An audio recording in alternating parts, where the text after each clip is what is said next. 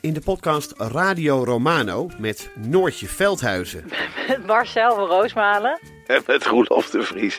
Brengen we alle drie elke week een zogenaamde signalering mee. Wat heb jij nou weer bij je? En aan het eind bepalen we wie de winnaar van de week is. Echt een angstcultuur Lege huls die je er bent? Ja, dat gaat eigenlijk altijd onvriendelijk. Luister nu naar Radio Romano bij Podimo. Via podimo.nl slash Radio Romano luister je 30 dagen gratis. Liegen over een mondkapjesdeal die je hebt gesloten met de overheid. Een deal waarmee je miljoenen hebt verdiend. Dat doet toch alleen Siewert van Liende? Nou, nee.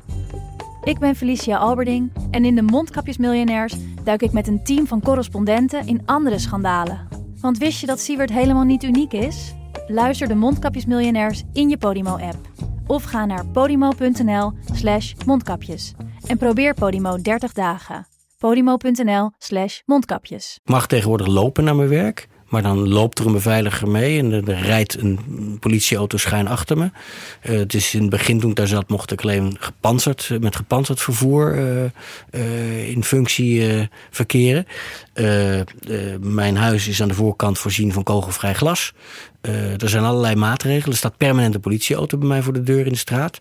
Nederland heeft een, een, staat bekend in Griekenland om een vrij stevige lijn, net als Duitsland in het, op het gebied van de euro.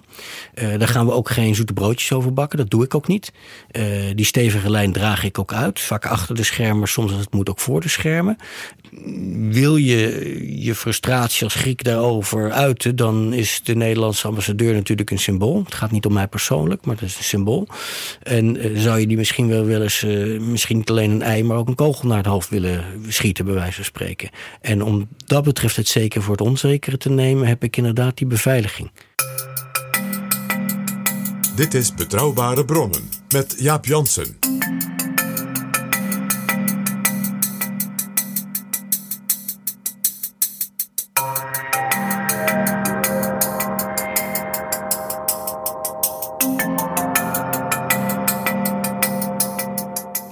Welkom in Betrouwbare Bronnen, aflevering 45.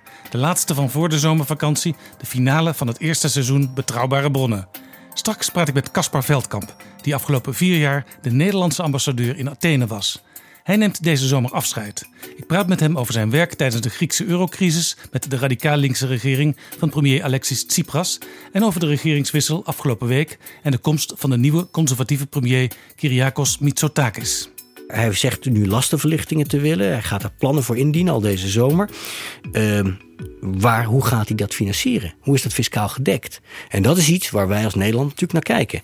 Wopke Hoekstra heeft als minister van Financiën na de laatste eurogroep meteen al iets over gezegd. Wat in alle Griekse kranten is gekomen. Van ja, wacht even, er zijn wel afspraken. Mevrouw Merkel heeft dat inmiddels ook al gedaan. Er zijn wel afspraken, er is een hele set van afspraken gemaakt tussen Griekenland en ons als crediteurenland in de eurozone. Waar we van wel van verwachten dat Griekenland eh, eh, zich daaraan houdt.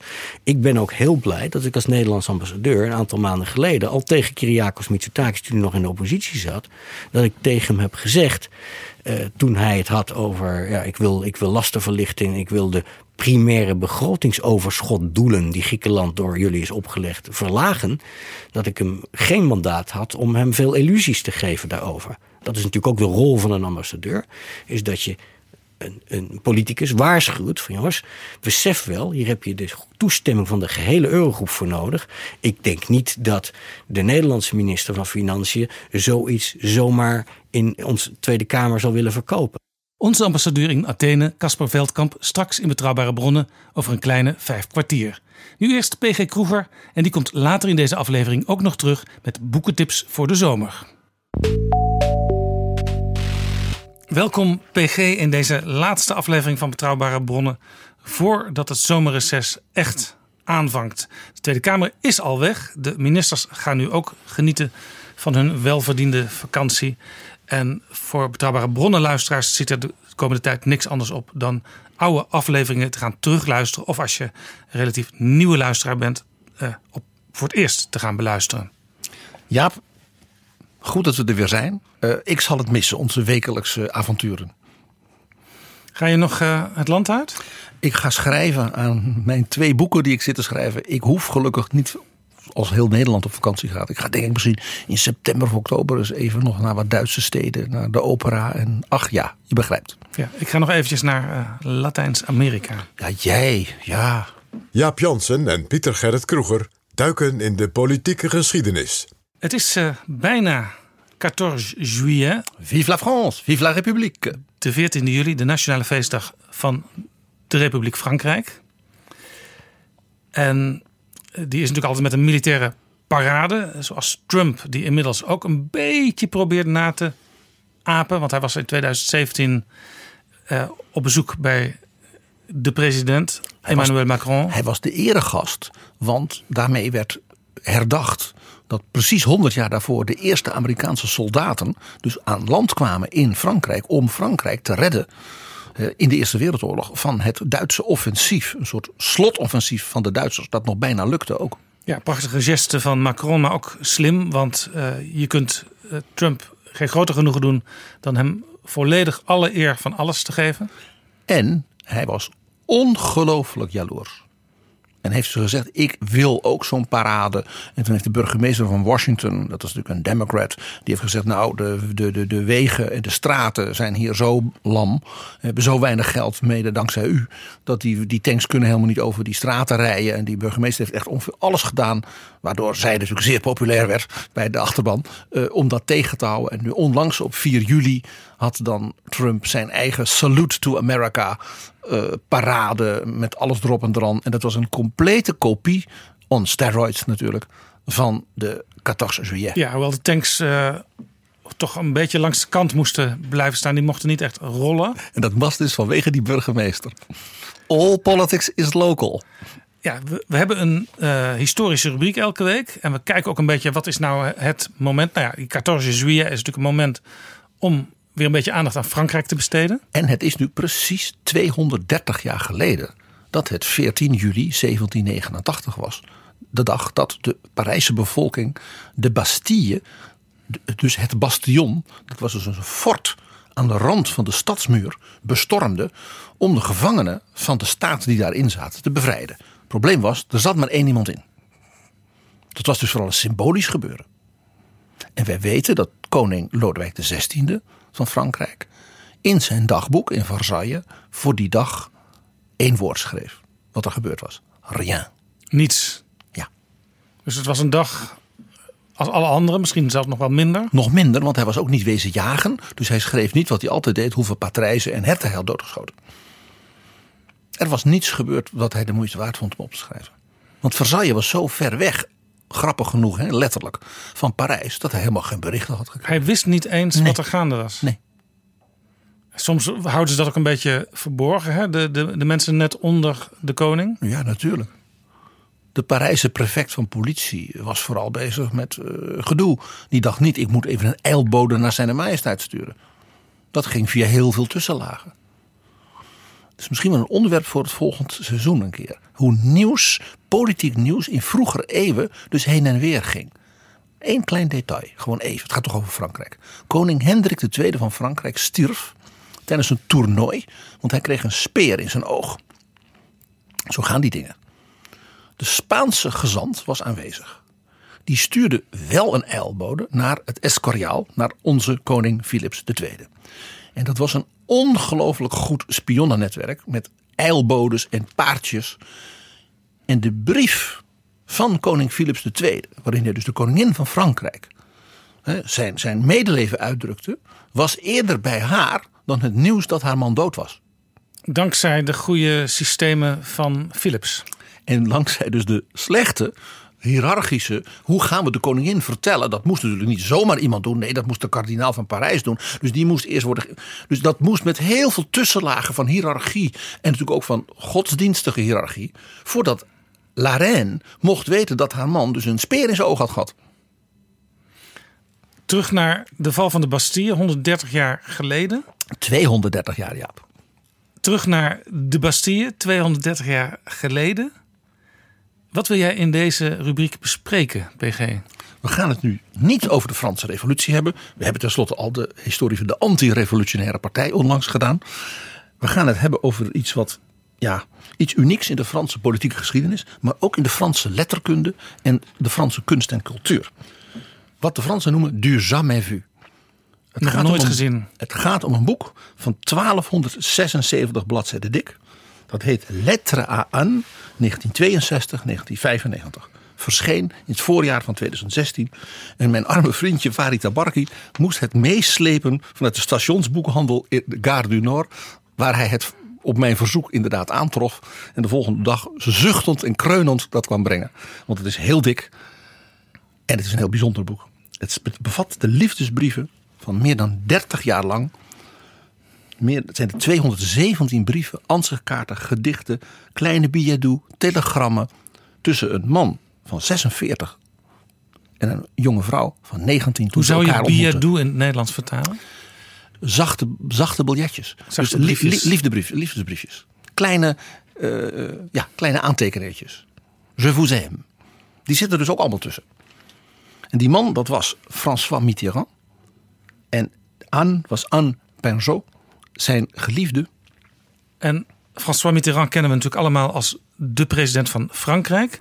De langstzittende president van Frankrijk van na de oorlog. En die brieven zijn natuurlijk in de mooiste taal, zo'n beetje waarin je de liefde kunt verwoorden. Misschien op het Italiaans na, het Frans. En het Russisch. En voordat we straks een een aantal citaten ook uit het Frans krijgen, wil ik toch even in het Nederlands een klein stukje voorlezen uit zo'n liefdesbrief uit 1970. Om echt meteen enorm die indruk te krijgen. Mitterrand aan Anne. Ik hou van je lichaam, het plezier dat in mij stroomt als ik je mond bezit. Het bezit dat alle vuren ter wereld in mij doet branden. Jouw plezier dat oprijst uit de vulkanen van onze lichamen. Vlam in de ruimte, ontbranding. Oui. Dit zegt nog iets. François Mitterrand was een zeer begaafd literator. Eh, hij publiceerde als politicus, voordat hij president werd, zal ik maar zeggen, zo om het jaar, om de drie jaar, twee, drie jaar, een bundel met essays. En dat zijn dus, was bijvoorbeeld een toespraak bij de 150ste geboortedag van Victor Hugo, een beschouwing over de poëzie van Mallarmé, eh, een, een, een, een dagboek wat hij bijhield bij het lezen van Thomas Mann. eh, natuurlijk een lezing die hij gaf over de Franse cultuur, over Van Gogh. En dat bundelde hij dus om de zoveel jaar. In Frankrijk hoort dat ook een beetje. Hè, bij een politicus. Je moet cultureel geverseerd zijn. Je moet memoires, je moet filosofische boeken schrijven. In Mitterrand Nederland- deed dat allemaal. En die boeken zijn om te smullen zo mooi geschreven. In Nederland bestaat dat bijna niet. Hè? Nee. Ik zeg het gewoon maar. Nee. Dit is domineesland. Misschien in, in, in Groot-Brittannië wel een beetje. Niet filosofisch. In Duitsland wel, denk ik. In Engeland, je Duitsland zeker. In Engeland, bij de Britten is het meer dat je bijvoorbeeld een boek schrijft over een ander politicus. William Hague, zijn prachtige boek over Wilberforce. Boris Johnson Over over, Churchill. Churchill. Eh, dus dat gebeurt wel.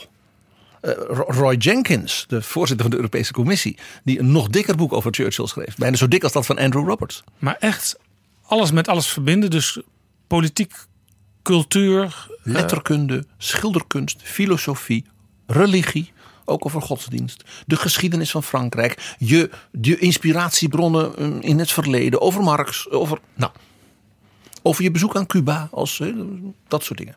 Iemand die een heel klein beetje een poging waagt af en toe in Nederland is Frits Bolkestein. Die eh, ik als Amsterdammer ook vaak in eh, de theaters zie. Genieten van, eh, van wat hij ziet. En hij heeft zelfs een tijdje een klein rubriekje gehad in het weekblad De Haagse Post. Waarin hij als een soort theatercriticus eh, functioneerde. Ja, dat was natuurlijk onderdeel van de firma, want zijn vrouw was actrice. Helemaal. Typisch Nederlands mercantiel.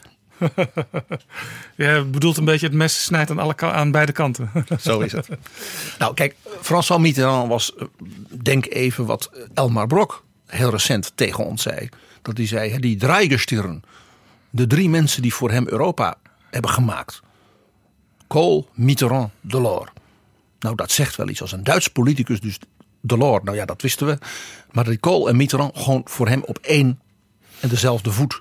Als maker van Europa en dus ook van de Duitse Ja, eenheid. Mitterrand die natuurlijk op het, op het, eh, het, het mooie moment voor Duitsland, de, de Wiedervereinigung, eh, een cruciale rol heeft gespeeld. Doordat te steunen. Door, door er wel iets voor terug te vragen. Wat heel belangrijk was voor Frankrijk. Namelijk in feite het afscheid van de D-mark.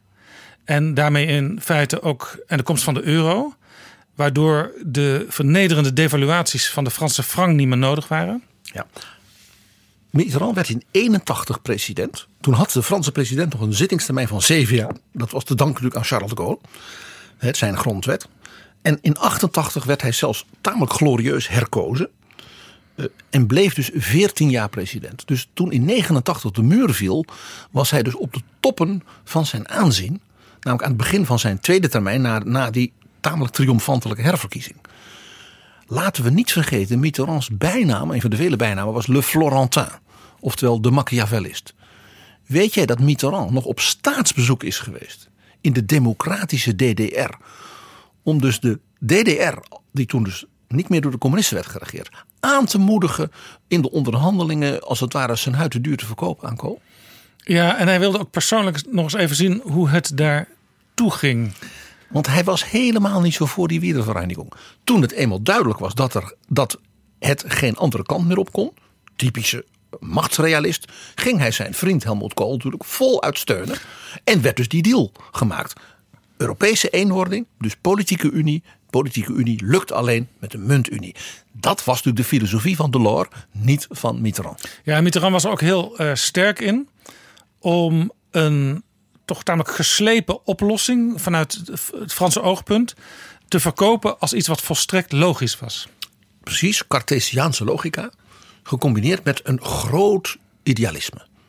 L'Europe unie, ja, en dan Frankrijk natuurlijk als de leidende macht in dat verenigde Europa. Want Frankrijk had een veto in de Veiligheidsraad. Frankrijk had een atoombom. Frankrijk had zijn eigen raketten voor in de ruimte. Ja, en het Wie mooie, kon dat zeggen? Het mooie is altijd als je een, een, een Franse politicus uh, de lof hoort zingen van Europa. Dan moet je een beetje tussen de regels door luisteren. En dan zie je toch ook vooral het woord Frankrijk in vette letters staan. La grande nation dans l'Europe d'aujourd'hui. Nou, Anne Pinjot moeten we toch ook nog even. Hè? Ja, wie was zij? Zij was een student, uh, de dochter van vrienden. Uh, zij kenden elkaar al vrij lang. Toen ze 11, 12 was, uh, hebben ze elkaar dus ontmoet. En zij was eigenlijk als meisje dus al dol op hem. Maar dat was nog ja, in het nette, zullen we maar zeggen. En toen zij dus 19 werd, zijn ze begonnen elkaar te schrijven. En twee jaar daarna hebben ze voor het eerst samen een reis gedaan. En, en zijn ze een liefdespaar geworden. Daar zullen we het zo over hebben, want die reis is iets heel bijzonders. Zij studeerde dus kunstgeschiedenis. Was een zeer begaafde jonge dame. Dat blijkt natuurlijk ook wel uit ja, die brieven die over kunst en literatuur en over alles gaan.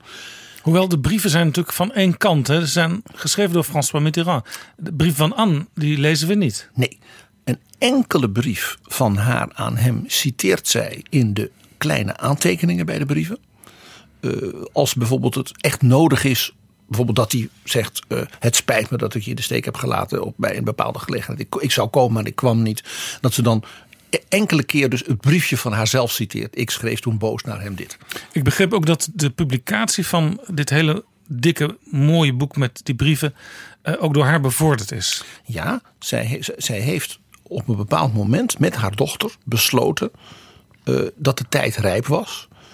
en de dochters van François Mitterrand en Anne Pinjot, Mazarin, was toen volwassen en is zelf uh, uh, een romanschrijfster. Ze heeft, dus, ze heeft dus het literair talent van haar vader en de artistieke kant van haar moeder blijkbaar in elkaar gecombineerd. Zij wordt dus in Frankrijk nu zeer bewonderd als dus schrijfster van romans. Ja, en Mazarin, die herinner ik mij nog heel goed uit de kranten.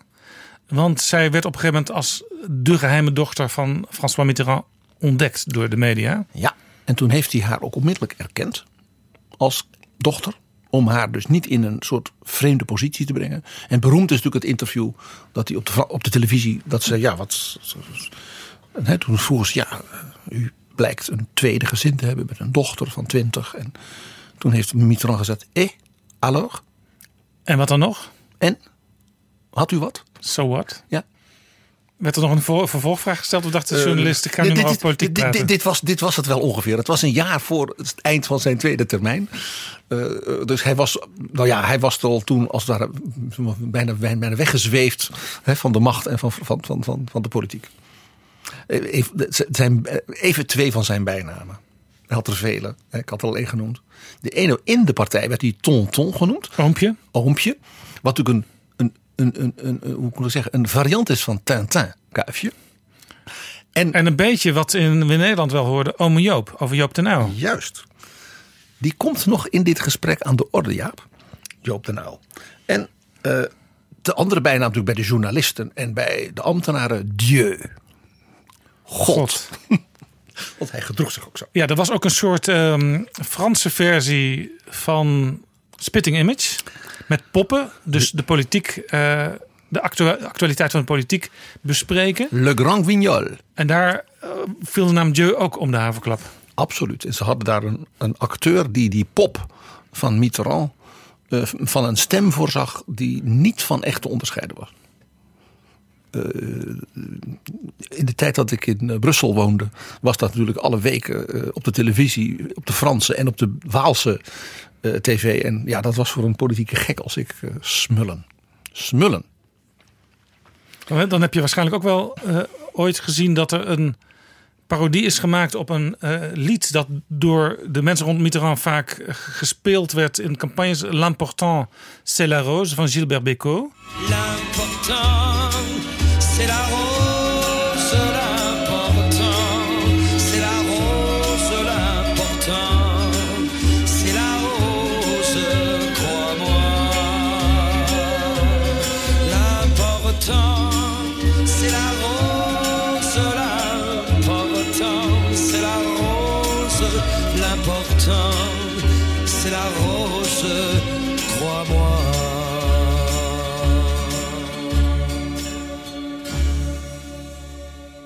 Daar is ook een parodie op gemaakt. eh, En de man die het zong, die had precies die stem, die typische stem van Gilbert Bécaud. En dat liedje ging een beetje over. Oh, daar heb je dat, die vervelende roos weer. Waar ze het de hele tijd over hebben. Ja, want dat was natuurlijk het symbool van de Socialistische Partij. Van Mitterrand. Net, net als in Nederland eh, nog steeds eigenlijk wel een beetje. Zeker. Nou, An- Anne Pinzon was dus eh, een begaafd student kunstgeschiedenis. En werd zeg maar, conservator, restaurator in het Louvre. En daarna bij het Musée d'Orsay. Eh, want haar specialisme was de beeldhouwkunst van de 19e eeuw. En zo heeft zij een hele belangrijke expositie bezorgd. En ook de catalogus van de eh, beeldhouwster Camille Claudel. De geliefde van eh, Rodin. Die als ware, als als kunstenaar op haar, vanuit haar eigen talent. dus door die tentoonstelling echt heel zichtbaar werd. Dus ze heeft ook in dat opzicht een belangrijke rol gespeeld. En zij was een belangrijk adviseur van Mitterrand bij de verbouwing van het Louvre. Dus het Le Grand Louvre, zoals dat heette, met die piramide van meneer Pij. Dat hele project is natuurlijk mede ja, geïnspireerd door hun liefde. En ik geloof ook dat er foto's zijn dat ze door het Louvre lopen. zonder dat mensen toen nog officieel wisten wat er aan de hand was. Ja, want dan nam hij natuurlijk de conservator van de beeldhouwkunst. En een kenner, die mocht natuurlijk meelopen met de directeur. Zo ging dat. Zij was ook altijd aanwezig eh, bij eh, alle grote manifestaties. En ook bij de verkiezings... eh, als hij dan op het Place de la Bastille werd toegejuicht door zijn aanhang... dan stond zij tussen zijn staf. En Anne heeft François nog een aantal jaren overleefd. Ja, ze leeft nog. Oh, nog steeds? Ja, ze leeft nog. Ja. Oké. Ja. Hoe oud is ze inmiddels? Ze is van 1943. Oh, dat is ouder. Ja, natuurlijk. Dat is Ja. nog, nog relatief jong. Oudere dame, Relatief jong. Ja. En hoe is het met uh, Mazarine op het moment? Nou, die is dus, eh, dus gevierd als schrijfster. Haar romans eh, krijgen prachtige recensies. En ze is vrij recent eh, eh, voor een tweede keer gehuwd. En dat is wel een interessante man. Namelijk dat de voormalige chef van de geheime dienst van Frankrijk. in de tijd van president François Hollande. Dus ze is nog zeer goed verknoopt in de top van de Franse politiek. En zeker met name de Franse socialistische politiek. Dat is opvallend, hè? Ja, ja. En ik wil bijna zeggen, ex-chef van de geheime dienst weer een heel, heel ander type waarschijnlijk. Maar in Frankrijk hoeft dat helemaal niet zo te zijn. Want ook zo iemand kan van kunst en cultuur houden en uh, diepzinnige gesprekken erover voeren naast zijn spionageactiviteiten. Ga, nou, het is natuurlijk vooral een topmanager. Ja, voor de president van de geheimen. En ga er maar vanuit dat het iemand, een van de allerbeste leerlingen van de, de ENA of zoiets is. Hè? Zoals in Frankrijk, al De die École jongens. Normale d'Administration. Exact, exact. École normale. Zijn er trouwens meer van, van, van dit soort ehm, uitvoerige en intieme briefwisselingen van, van hele grote staatslieden? Dit dit is, dit is echt bijna uniek dit. Eh, ik kan er twee bedenken. Laat ik maar zo zeggen. Eén, je zult het mij vergeven, is in het Duits. En ja, het is opnieuw Johann Wolfgang von Goethe. Een jaar of tien een grote liefdesrelatie had met Charlotte von Stein. Nou, je hoort het al, dame van zeer Ja, Goethe, adel. we hebben het er al wel eens over gehad, maar die niet alleen eh, dichter was, maar ook nog eh, hoog in het staatssysteem zat. minister-president van Weimar was. Eh, adviseur dus van allerlei vorsten. En natuurlijk ook wetenschapper. En nou ja, universeel getalenteerd. de, de vaderlijke vriend van Alexander von Humboldt. Nou, in zeg maar, de jeugdjaren, dat, voordat hij de Humboldts, de twee broers, leerde kennen. was dus Charlotte van Stein zijn geliefde. Eh, eh, die, dat liep op de klippen, eh, die relatie.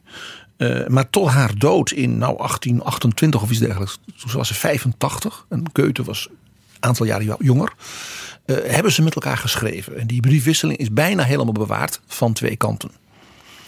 En dat is dus heel bijzonder. En ja, dat is natuurlijk het mooiste Duits ongeveer wat er is. hè, Dat, eh, Ja. en is ook helemaal uitgegeven. En er is een tweede, nog meer echt staatsman briefwisseling. Ook zo intiem. En dat is van de tweede president van Amerika. John Adams en zijn vrouw Abigail Adams. John Adams, die natuurlijk een, een sterke band met Nederland had. Heel bijzonder. Dus heel veel van de brieven gaan over Nederland. Want die schreef hij vanuit Amsterdam, vanuit Leiden. Eh, waar hij dus ja, voor zijn werk als ambassadeur, want dat was hij. Hij moest dus bij de Nederlandse bankiers geld zien te ritselen voor de opstandelingen. En hij miste zijn vrouw, verschrikkelijk. Eh, ja, die brieven moesten natuurlijk over de oceaan met bootjes. En dat kon natuurlijk geen Engelse bootjes zijn. Nou, je begrijpt. Dus die brieven, als hij van haar dan weer een brief kreeg, dat koesterde hij dus. En dan las hij die brief wel drie keer. En die briefwisseling is bijna volledig bewaard. En die mensen hebben elkaar dus echt. Ze zijn alle twee heel oud geworden. Tot in de jaren 20 van de 19e eeuw. Dus een briefwisseling van wel 60 jaar. Van dus een echtpaar, ook een liefdespaar, hè, zonder meer. Maar ook dus een politiek echtpaar. Zij was een van zijn allerbelangrijkste adviseurs. En zij had bijvoorbeeld haar eigen briefwisseling met mensen als Thomas Jefferson. Aha. Dus dat, dat is, ja. eh, eh, zal ik een heel klein stukje uit die briefwisseling over Nederland. Dus nog, ja, nog even. Dus Abigail was eigenlijk in die zin al een soort moderne first lady. Zij was de eerste first lady die die rol vervulde in de zin van een politieke first lady. Zoals later Eleanor Roosevelt ook wel. En natuurlijk Hillary Clinton heel erg. Nancy Reagan. En Michelle Obama. Ja, zeker, zeker. Eh, de eerste first lady, even Amerika dan, hè. De eerste was Martha Washington. Dat was een dame die was een stuk ouder dan George Washington. Ze huwde hem als weduwe. Eh, en Martha Washington was een ondernemer. Zij exploiteerde de landerijen. Ze was meer een Lady Bird Johnson. Iemand die zelf, dus als vrouw, een geweldige leidersfiguur was van haar ondernemingen. De haar landerijen met name. Dus dat was helemaal niet zo'n politiek type. Eh, Abigail Adams was een typische politieke vrouw. Die dacht na, had relaties dus met andere politici. Gaf dus haar man ook advies. Interessant. Nou, hij, hij schreef aan zijn vrouw vanuit Nederland over de twee zonen die hij dus had meegenomen als secretarissen. En die verveelden zich in Amsterdam op school. Want die scholen in Nederland, die waren, dat stelde me niks voor, middelmatig. Eh, de leraren zijn niet goed opgeleid. Dus hij stuurde die jongens van 15 en 17 maar meteen naar de Leidse Universiteit. En ze deden een colloquium doctum en ze werden toegelaten. Zowel Charles als John Quincy. En toen schreef John Adams aan zijn vrouw. Ik heb ze maar gestuurd om daar enige tijd te gaan wonen en onder uitstekende leermeesters hun Latijnse en Griekse studies voor te zetten. En colleges bij te wonen van de beroemde hoogleraren aan de universiteit. Het is daar veel goedkoper dan hier in Amsterdam. De lucht is er oneindig veel zuiverder, het gezelschap netter en de conversatie beter. Wetenschappelijk gezien staat de universiteit waarschijnlijk op minstens even hoog plan als welke in Europa ook. Leven Leiden. En leven het Nederlands universitair onderwijs, mevrouw van Engelshoven. Over Nederland gesproken. En we gaan weer terug naar de liefdesbrieven van François Mitterrand. Nederland speelt daar ook een, een rol in, hè? Ja, dat is heel bijzonder. Dat was voor mij toen ik het boek begon te lezen, te bladeren, de grote ontdekking. Ook verrassend dat in de Nederlandse media bijna niemand daarover geschreven heeft. Je denkt dus, dan zullen ze het wel niet gelezen hebben, de recensenten. Maar dat is niet aardig van me. Eh, als ik je nou vertel dat er geen stad in Nederland zo vaak genoemd wordt in deze brieven, namelijk 14 keer, als Delft. Delft. Delft. Amsterdam 9 keer. En waarom?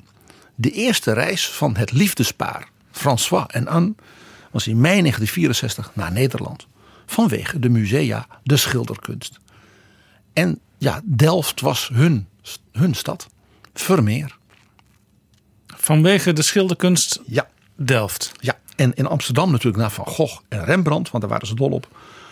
En ja, dat, toen hebben ze natuurlijk ook voor de eerste liefde bedreven. En dat is dus in al die brieven daarna, hè, dus in die, ik zal maar zeggen, in die hè, bijna 1300 bladzijden, voortdurend komt dus Delft of Amsterdam of Van Gogh of Vermeer als codewoord. Want als hij haar dan een kaartje stuurde, dan kon ook iedereen dat lezen.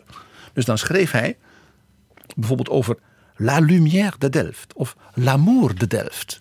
F. En De liefde van Delft. Dat bedoelde hij zij wist eh, eh, onze liefde. Juist. Daar gaat het hier Ja. over. Eh, toen hij terug was in Parijs en zat hij dus in de bankjes van het parlement. En dan heeft hij haar een brief geschreven over nou, hoe blij hij was dat ze nu hè, zijn geliefde was en dat ze elkaars geliefde waren. En toen schreef hij haar een briefje vanuit de bankjes in het parlement. Le bonheur d'Amsterdam, c'est Anne, le bonheur de t'aimer. Het geluk van Amsterdam, dat is Anne, het geluk van jou te houden. Prachtig. En we moeten nog steeds hierbij beseffen dat François Mitterrand had natuurlijk gewoon een, een officiële echtgenote, Ja, Danielle Mitterrand, Danielle. met wie hij dus ook twee zonen had. En die wij ook eh, als televisiekijkers uit die tijd wel goed kennen. Want zij was natuurlijk overal bij. En ze was een zeer actieve uh, politiek, heel linkse dame qua actie voor mensenrechten en emancipatie. Dus in die zin leek ze een beetje dingen. op Lisbeth Den Uyl. En een beetje op Eleanor Roosevelt. Die dat ook had. Ja. Allebei hadden. Ja. Ehm, maar ondertussen dus deze geweldige liefdesbrieven. En deze geweldige liefde die dus in het openbaar niet bekend mocht zijn. Precies. Maar die, die tientallen jaren duurde. Ja, tot zijn dood. Ik zal het vertellen, bij- zijn dood is dat ook heel bijzonder. Eh, dus in die brieven eh, en die kaartjes komt dus het codewoord voor de liefde. Is dus Delft of Van Gogh of Vermeer of Amsterdam dus ook. Hè? En vooral ook heel vaak dus La Lumière de Delft. Nou, ze vonden het licht van, in, van die stad. Het is natuurlijk dicht bij zee. Het is ook heel mooi. En natuurlijk ook het licht van Vermeer in Ja. zijn beroemde schilderij Het gezicht op Delft. Ja, dat is ook wereldwijd bekend. Hè? Dat, dat, dat licht is zo typisch voor de Nederlandse schilderkunst. En natuurlijk expliciet Vermeer. En Vermeer is natuurlijk onze grootste schilder. Met alle waardering verder voor Van Gogh en, Rembrandt. Het is een klein oeuvre, maar het is natuurlijk ongekend. Dus hij stuurde vaak, dan kocht hij gewoon een ansichtkaart voor hè, In een, van een schilderij van Rembrandt of van Van Gogh in Parijs op straat. Dat kan. En dan stuurde hij gewoon een kaartje. Je pense à vous. Ik denk aan u. Want dat schilderij dat was dus een soort embleem voor hun liefde. Nou, Prachtig. heel mooi. Zeven jaar na die reis naar Nederland is François Mitterrand in Nederland. Want hij is dan voorzitter van de nieuw opgerichte gefuseerde Socialistische Partij van Frankrijk, de PS. En is dan dus ook lid van de Socialistische Internationale. Mitterrand komt eigenlijk uit een eh, partij die heette de Radicale Partij. Ja, daar is hij ook bij geweest. Hij heeft een eigen partij opgericht van veteranen van de, van de, van de Tweede Wereldoorlog. Hij heeft wel zeven, acht partijen gehad. En die Radicale Partij, dat is wel even een klein detail. Dat zou je een soort Macron-partij, een soort, soort D66 ook kunnen noemen. Ja, de radicale partij in Frankrijk was helemaal niet radicaal en ook helemaal niet links. En die zijn dus op een gegeven moment uit een soort pragmatisme met de socialisten gefuseerd. En andere kleinere partijtjes. eh. en die hebben samen toen één partij gevormd, de Parti Socialiste. En de eerste secretaris-generaal daarvan was François Mitterrand. En hij was dus de compromiskandidaat hè, tussen al die verschillende partijtjes. Ja, en uiteindelijk bleek het zijn, zijn werktuig te zijn naar de absolute macht. Althans, absolute democratische macht. Dan. Ja. En dus de eerste keer dat hij in die rol naar de vergadering van de Europese socialisten ging, was dat in Amsterdam. En de dagvoorzitter van die vergaderingen was Joop den Uyl. En wij hebben dus, eh, dat is rond bladzij 800 in dit boek, jawel. Dus een hele serie ansichtkaarten, brieven, eh, kleine kattenbelletjes van François aan zijn geliefde. Want ja, hij is in Amsterdam en reist dus via Rotterdam waar hij een diner aangeboden krijgt in de rotisserie, zoals hij dat noemt, van de Euromast. En beschrijft dan dat het eten natuurlijk Hollands was. Dus dan wist Arn genoeg. Eh, en dat die Euromast, dat vinden de Hollanders prachtig. Hij zegt, en waar kijk je naar? Je kijkt naar die haven. Een monster dat de oceaan opvreet. Ja, Prachtig. Het was dus niet echt bepaald de Eiffeltoren waar die dineerde. Nee, en het was ook geen sterrenrestaurant. Nee, echt Hollands vond hij dat. Nou, dan is hij dus eh, eh, eh, onderweg en dan stapt hij er uit in Delft. Ja. En stuurt dan een kaart van de nieuwe kerk in Delft aan, aan een ansichtkaart. Met de volgende tekst. Ik lees hem voor. Delft, Notre Delft. Nou, dat zegt eigenlijk al genoeg. Hij zette dus niet eens François onder of F wat hij anders deed. Dus deze kaart was, wat ik zei, dit was een embleem van zijn liefde. Prachtig hè? En hij moppert die, later die dag vanuit zijn hotel, stuurt hij een brief naar haar. Want hij schreef dus meerdere brieven per dag. Het was een echte literator, die man moest schrijven. En dan schrijft hij, omdat die moppert die, die Nederlanders. Ze hebben ook geen gevoel voor hun kunst en hun historie en zo. Want ik ben in Delft. En nee, de nieuwe kerk zat al dicht. Hij zei dus ik kon niet indachtig aan jou naar het, de tombe van Guillaume le Taciturne. En hem groeten namens ons. Dan had hij waarschijnlijk een kleine kniebuiging ook gemaakt als hij daar wel binnen was geweest. Willem de Zwijger, Guillaume le Taciturne. Maar hij ging dus eigenlijk naar een bijeenkomst van de eh, Europese socialisten. Ja, ja en eh, die, vergadering, die, ja, daar, ja, die beschrijft hij ook. En daarin komt dus een klein portretje van onze ome Joop, de tonton van Nederland. Hij spot een beetje over hem. Hij- zegt, ja, we werden ontvangen. En dat was in, blijkbaar voor Nederland en voor Amsterdam heel chic. Het Apollo Hotel. Nou, hij vond het allemaal maar een beetje middelmatig, zullen we maar zeggen. En die broodjes. Eh, nou, dat, dat is in Nederland geldt dit als chic. Ja, het is nu echt, als je er nu komt, dan weet je echt, het is vergane glorie. Maar je ziet wel, het, het, het- ooit moet het wat geweest zijn. Ja. En hij spot dan een beetje over Joop den Uyl. Die die mon correspondant hollandais. Mijn Hollandse correspondent. Dat is natuurlijk geen eretitel hè, die hij gebruikt. En die Maar dat is toch betekent het niet evenknie? Ja, ja, maar ook een beetje correspondent. Het is, het is heel dubbelzinnig. Het is, het is een literator, hè? onthoud dat. Misschien bedoelt hij wel correspondent. Ja, nee, nee, nee. Gewoon mijn, mijn afgezant. Iemand die hè, namens de Franse socialisten Nederland mag doen. Ja, ja. Nee, het is heel dubbelzinnig. En hij beschrijft hem als een beetje een man van de jaren 50. hè, Namelijk een Mollet Batave. En Guy Mollet was de, de, dus de voorganger van hemzelf. Die niet helemaal gelukt was. Als leider van de socialisten. Die dus in de Algerijnse crisis door, de- door eh, de Gaulle in feite op- opzij werd gezet. En waardoor dus die partij jarenlang dus ja, geruineerd was qua politiek aanzien. Dus de, om Joop den Uyl dus een Bataafse Guy Mollet te noemen is nou niet bepaald complimenteus. Hij had niet het idee, Mitterrand, dat hier de toekomstige minister-president binnen enkele jaren van Nederland zit. Wat wel het geval bleek te zijn later. Zeker. Nou, laat ik zeggen, hij had niet het idee dat hij, dat hij een staatsman was. Eh, dat bleek ook, want hij schrijft aan, aan een beetje, echt een beetje vals hoor. Eh, dat hij de naam van die man maar niet onthield. En dat hij hem dus ook niet kon uitspreken. Zodat als dan in de vergadering hij de voorzitter, ja, dan. En hij schrijft dus in die brief ook van het lukt me maar niet. Hij heet zoiets als Joop, dat schrijft hij. En dan Van Liesute Van Liesut. van Liesut. En in de index van de, het boek is hij dus ook niet bij de D van der Uil of de U van der of Uil te vinden, maar onder de V van Van Liesut.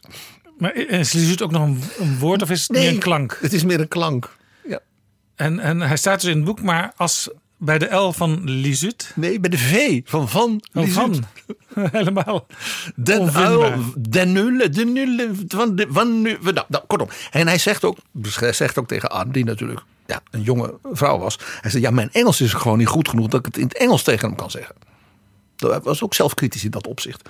En ja, dan voegt hij er één ding aan toe. De verbijstering die die Joop mij dan laat blijken, amuseert me wel. Ik heb ooit eens een foto ook gezien van, eh, van Joop van Liesut in, ik denk in, in Parijs. Met Mitterrand. Waarin eh, je Joop eh, honderd uit ziet praten en Mitterrand loopt er een beetje naast. Ja, het is nooit iets geworden tussen die twee. Nee. Eind juni 1986 is Mitterrand in Den Haag. Want daar zit Ruud Lubbers de Eurotop voor. 1986. Ja. En dat was dus aan het begin van de grote doorbraak door Jacques Delors. We hadden het erover toen in het gesprek over de bijzondere relatie tussen Thatcher en Delors. Dat Delors die interne markt doorzette. Dat concept wat zij als het ware zo aanmoedigde. Lubbers ook. En op deze Eurotop werden dus als het ware eh, een heleboel belangrijke beslissingen genomen. Waarbij dus Delors verder kon. We wisten toen nog niet dat drie jaar later die muur zou vallen. En dat is dus zo Ja. Profetisch was dat hij dat had, had doorgezet. En dat ze toen op weg waren naar het verdrag van Maastricht, wat eigenlijk de basis is van alles waar wij nu eh, Europa, wat wij nu in Europa zien. Dat wisten ze in 86 ook niet. Dat vijf jaar later opnieuw onder Nederlands voorzitterschap. Dat verdrag van Maastricht zou komen. Met opnieuw Ruud Lubbers nog steeds als premier. En Mitterrand als President. president. Jazeker. En Helmoet Kool als kanselier. En Delors als de voorzitter van de Europese Want Commissie. Delors die kreeg ook een tweede termijn. Zeker. Die is tien jaar lang dat geweest. Wat doet Mitterrand? Die stuurt aan een ansichtkaart. Van het schilderij De vrouw met de koffiemolen van Van Gogh. en schrijft daar achterop. Is dit niet l'image ideaal? Het model dat jij nog met moeite vereenzelvigen kunt. Je t'embrasse. Hij plaagt er een beetje. Ze moet toch betere koffie zetten, vindt hij. Ja. ja. Dat zijn kleine plagerigheidjes. Het verhaal gaat dat Mitterrand zich bij die Eurotop heeft laten insluiten in het Mauritshuis. Dat heeft hij gevraagd aan eh, Lubbers en dat mocht. De directie heeft dus toen, als daar een bepaald moment het eh, museum hè, toen dicht was of dicht ging of eerder dicht laten gaan. En Mitterrand heeft toen een uur in zijn eentje gezeten voor het gezicht op Delft van Vermeer. En iedereen wist natuurlijk, ja, dit is de literator François Mitterrand. Want dat schilderij speelt een sleutelrol in de belangrijkste roman van de grootste Franse romancier van de 20e eeuw, Marcel Proust. À la recherche du temps perdu. Jij en ik weten dat het nog iets anders was. Ja, dat weten we nu ook als we het boek eh, lezen. Het is, eh, ja, je vertelde het al meermaals, het symbool voor zijn liefde. Ja, dus Vermeer en. En La Lumière de Delft. Dat licht op die stad. En het, het, het liefst had hij natuurlijk daar met Anne gezeten in dat Mauritshuis. Dat Daarom uur. dat hij alleen wilde zijn. En niet met mensen erbij. Ik vind dit zo, zoiets bijzonders. ja, dat, je als, dat, je, dat je als politicus, als staatsman, want dat was hij, dat er dus een kant aan je is, een literaire, artistieke, maar dus ook, mag ik zeggen, amoureuze kant, eh, die, als maar, die gewoon helemaal in je persoonlijkheid is ingesloten. Ja. Eh, je had het een beetje net over eh Job den Uyl. Die kwam dus voor in, in een van die, in enkele van die brieven. Gaat het boek verder, de bundel brieven en, en, en, en, andere teksten, verder nog over politiek? Een beetje. Maar het is toch echt vooral de kunst. Eh, ze maakten ook reizen samen, dus niet alleen naar Delft en Amsterdam. Want president Hosni Mubarak werd eh, een soort enabler van dit liefdespaar, want die wist het dus wel. De Egyptische president. Want ze gingen bijna elk jaar, zeker toen eh, Mitterrand veel ouder was en ziek was, gingen ze dus naar Luxor en naar Sharm el-Sheikh. En dan gingen ze naar die Egyptische oudheden kijken. Naar de musea. En dan zorgde natuurlijk dat president Mubarak dat het museum dan leeg was en, en dat soort dingen. Dus ook daar Dus je zou kunnen zeggen een soort tweede liefde van Mitterrand naast eh, Delft, Egypte. Venetië. Daar hadden ze een bevriend echtpaar. Daar gingen ze bijna elk jaar heen.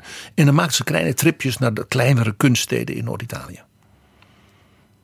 Maar interessant blijft dus dat in al die brieven tot het allereindst het woord Delft is het symbool. He, ook Venise, oh prachtig. En bepaalde kerkjes in, in Frankrijk. Saint-Benoît-sur-Loire. Waar waren ze ook in, in hun eerste... Ja, dat was ook zo'n soort codewoord. Maar het blijft Delft. Dat is zo bijzonder.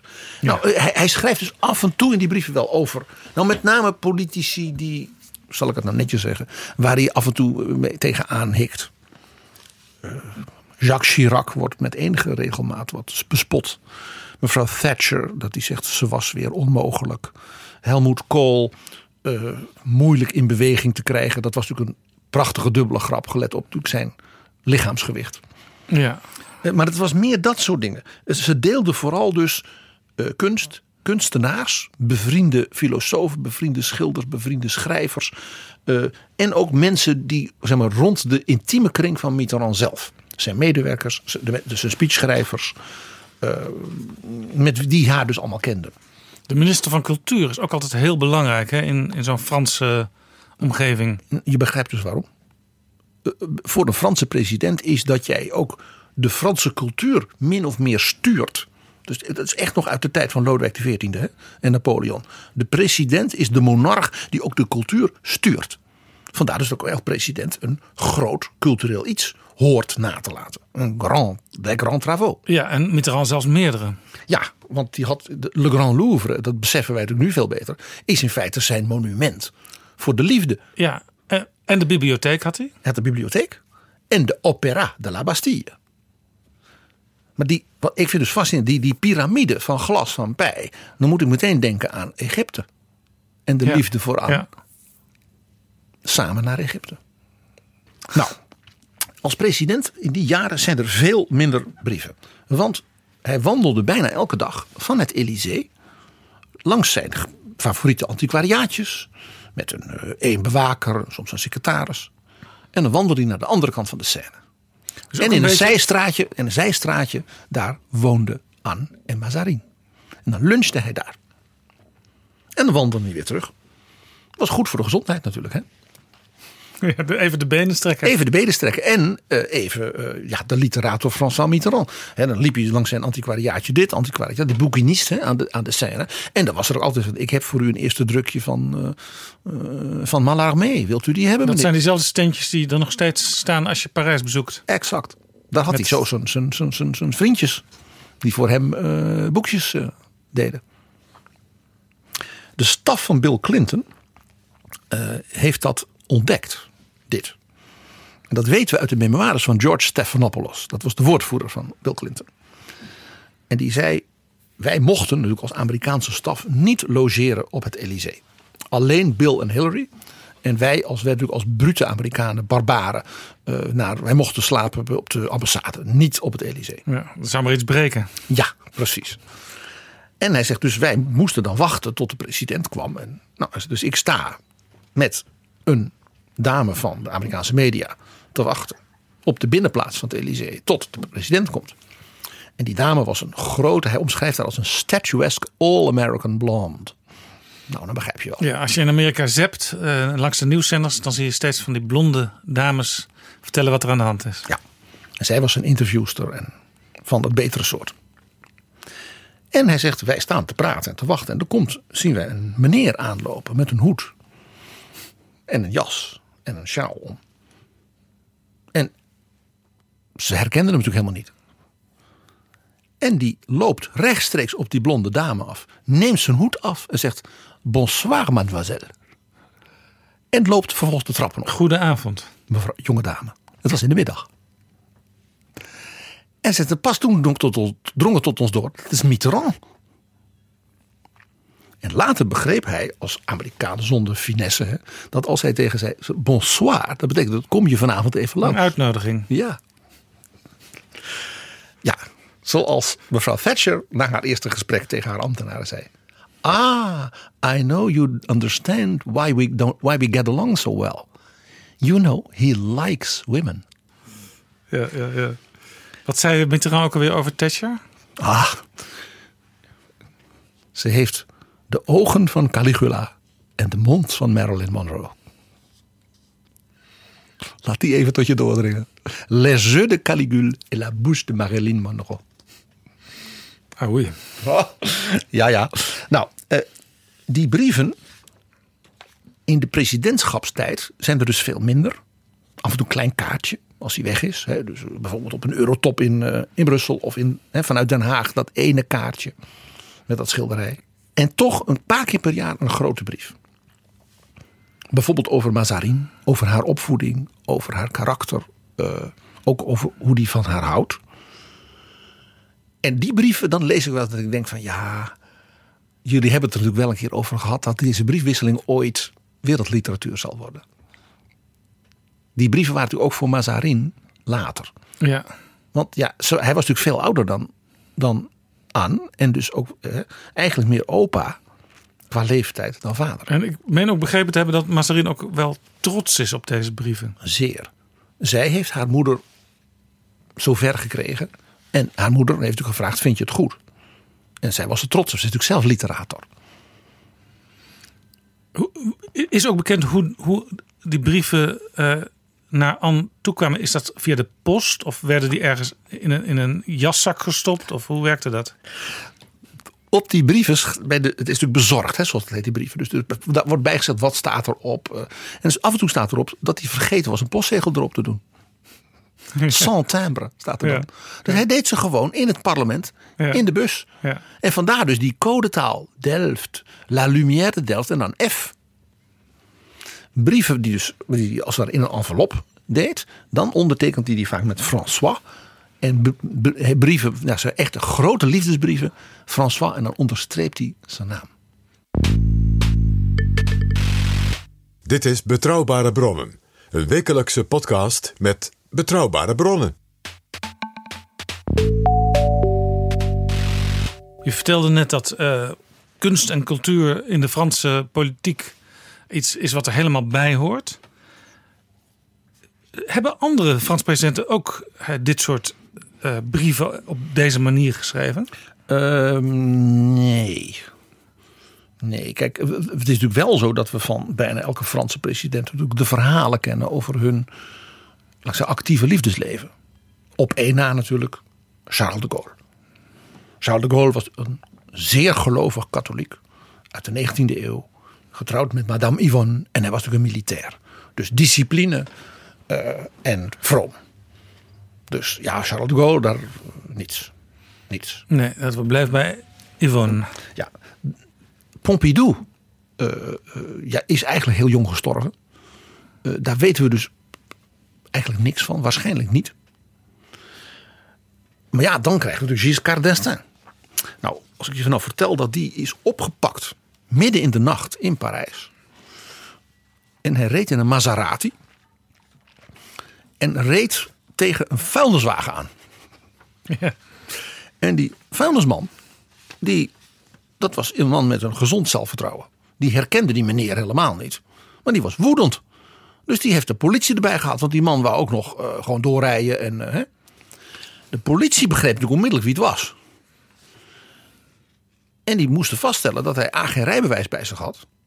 En B. dat die auto ook niet van hem was.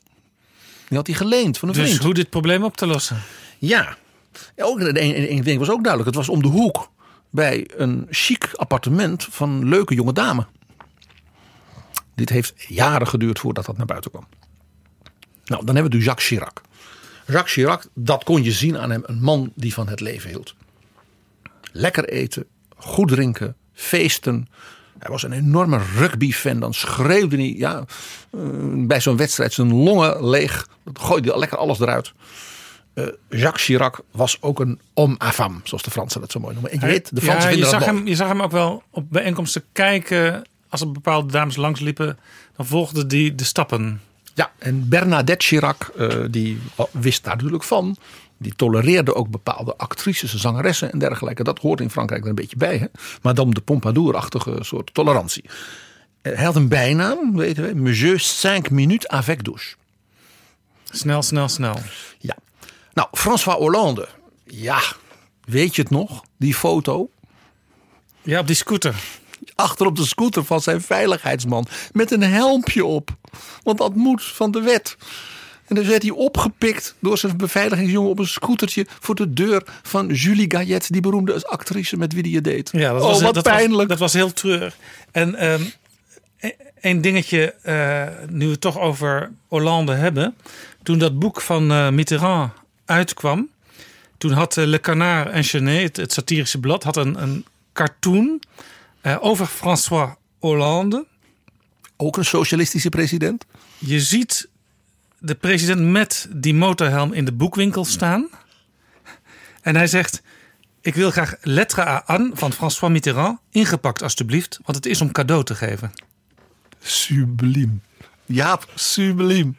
Dat, jouw, jouw, jouw research is weer geweldig. Hulde, hulde, hulde. Bravo, mon ami. Om het eens even te zeggen. bien. Nou, dan, dan hebben we natuurlijk nog eh, Nicolas Sarkozy. Ja, dat is natuurlijk een verhaal apart. Getrouwd met Cécile. Ze waren uit elkaar. Voor de verkiezingscampagne gingen ze weer even bij elkaar. Daarna is Cécile heel snel vertrokken uit het Elysée. Verwisseld voor Carla Bruni. Nee, niet, nee, nee, nee. Hij is een tijdje vrijgezel geweest, zegt hij. En toen kwam die beroemde foto van eh, eh, Sarkozy met zijn, zijn kinderen. En vrienden met hun kinderen. En daarbij was Carla Bruni, de zangeres, actrice, fotomodel, alles. Die geen relatie met die andere had. Nee. En dat was in Euro Disney. Vlak voor de kerst. En dat was natuurlijk een minpunt. Want de Fransen vinden Euro Disney natuurlijk een schandvlek. Ja. Daar ga je niet heen Nee. als, als cultureel mens. Hier bleek dus dat Sarkozy le président bling bling was. Klatergoud. Maar ja, Carla Bruni was wel een plusje. De mooiste vrouw op aarde.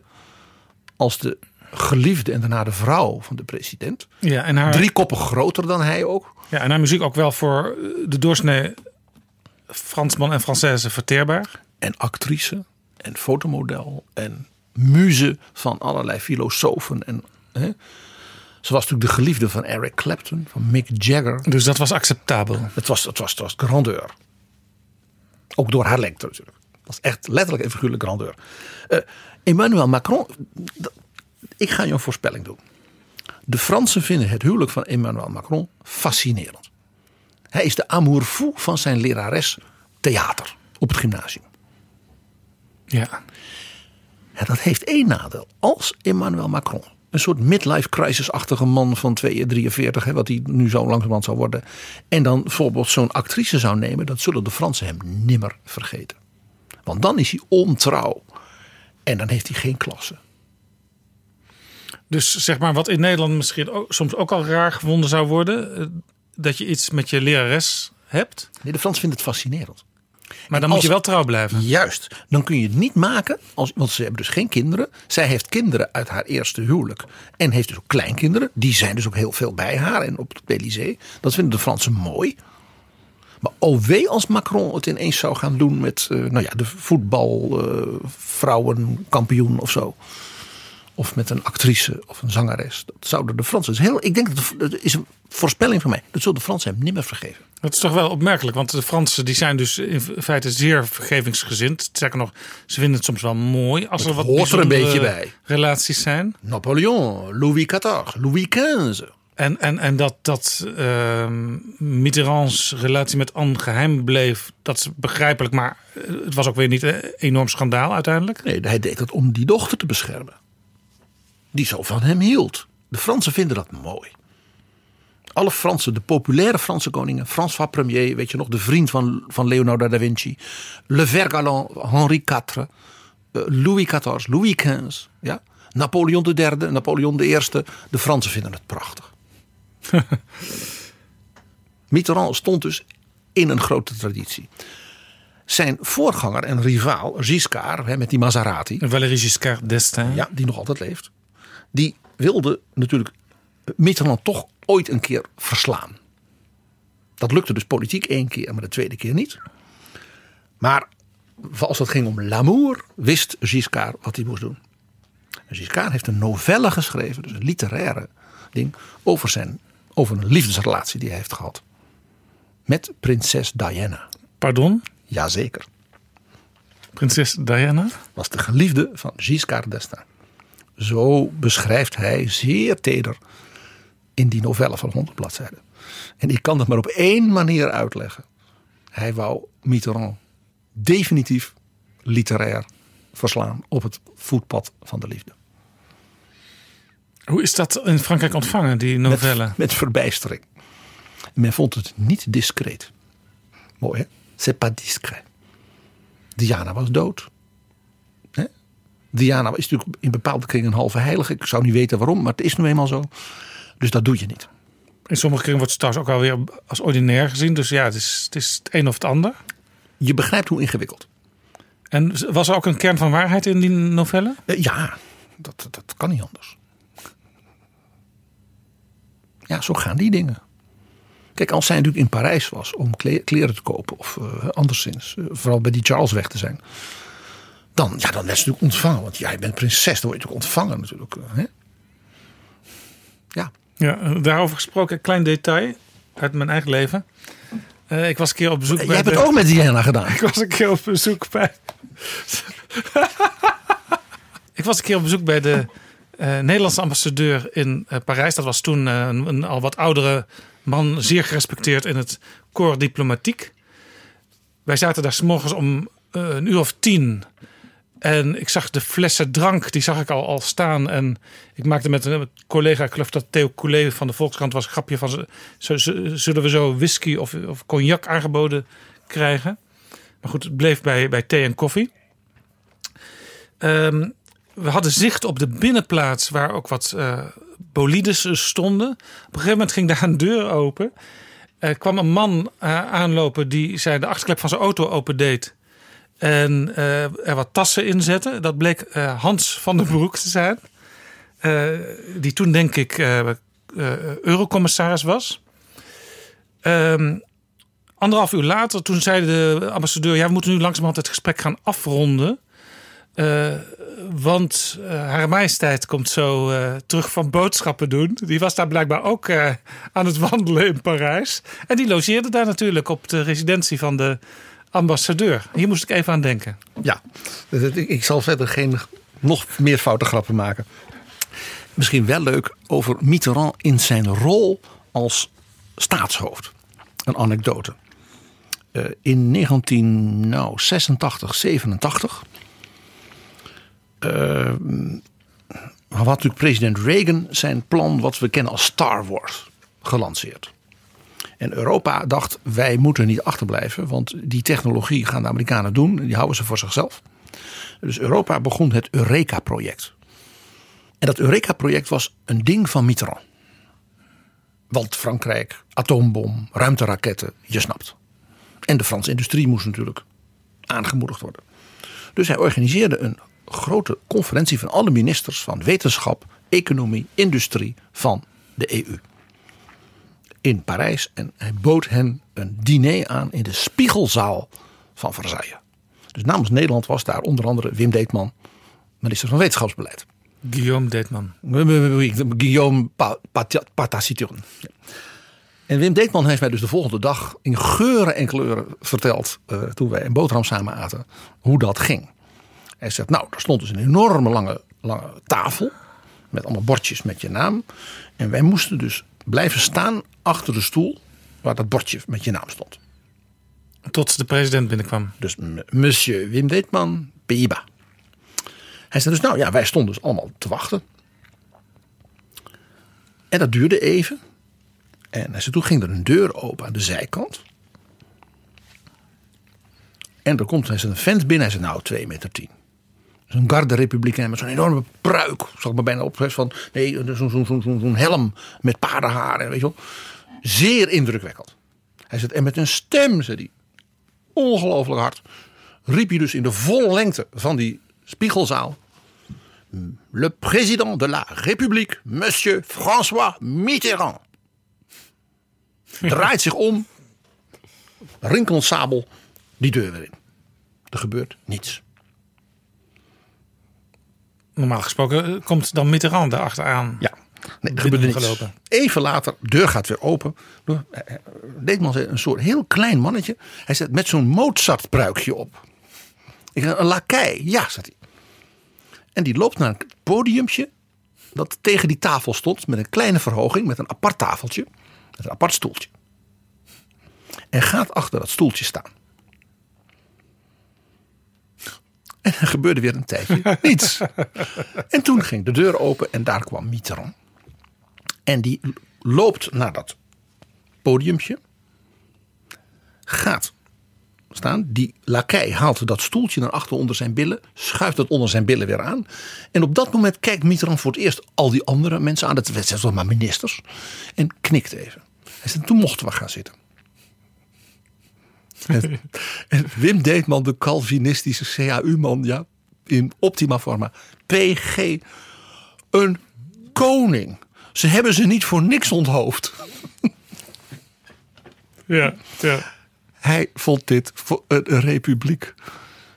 In de spiegelzaal van Versailles. En hij, hij zei, hij gedroeg zich als Lodewijk XIV. Dit, dit is ook Frankrijk. En het is ook een beetje Mitterrand natuurlijk. Ja. Weet je Ma- wel, Ma- die- Macron ontvangt Poetin ook in Versailles. Niet op de Elysée. Ja, en het maakt ook verder niet uit wat hun eigen achtergrond is. Mitterrand die was natuurlijk oorspronkelijk katholiek en later agnost. Hij is van alles geweest. Heel rechts. Hij heeft voor Maar- Vichy gewerkt. Hij is in het verzet geweest. Hij heeft alles gedaan. De cultuur blijft rondom zo'n president hetzelfde. Ja, je bent l'état c'est moi. Lodewijk XIV. L'état c'est moi. Ja, ondanks eh, de revolutie. Die heeft in feite de kern van de Franse identiteit niet geraakt.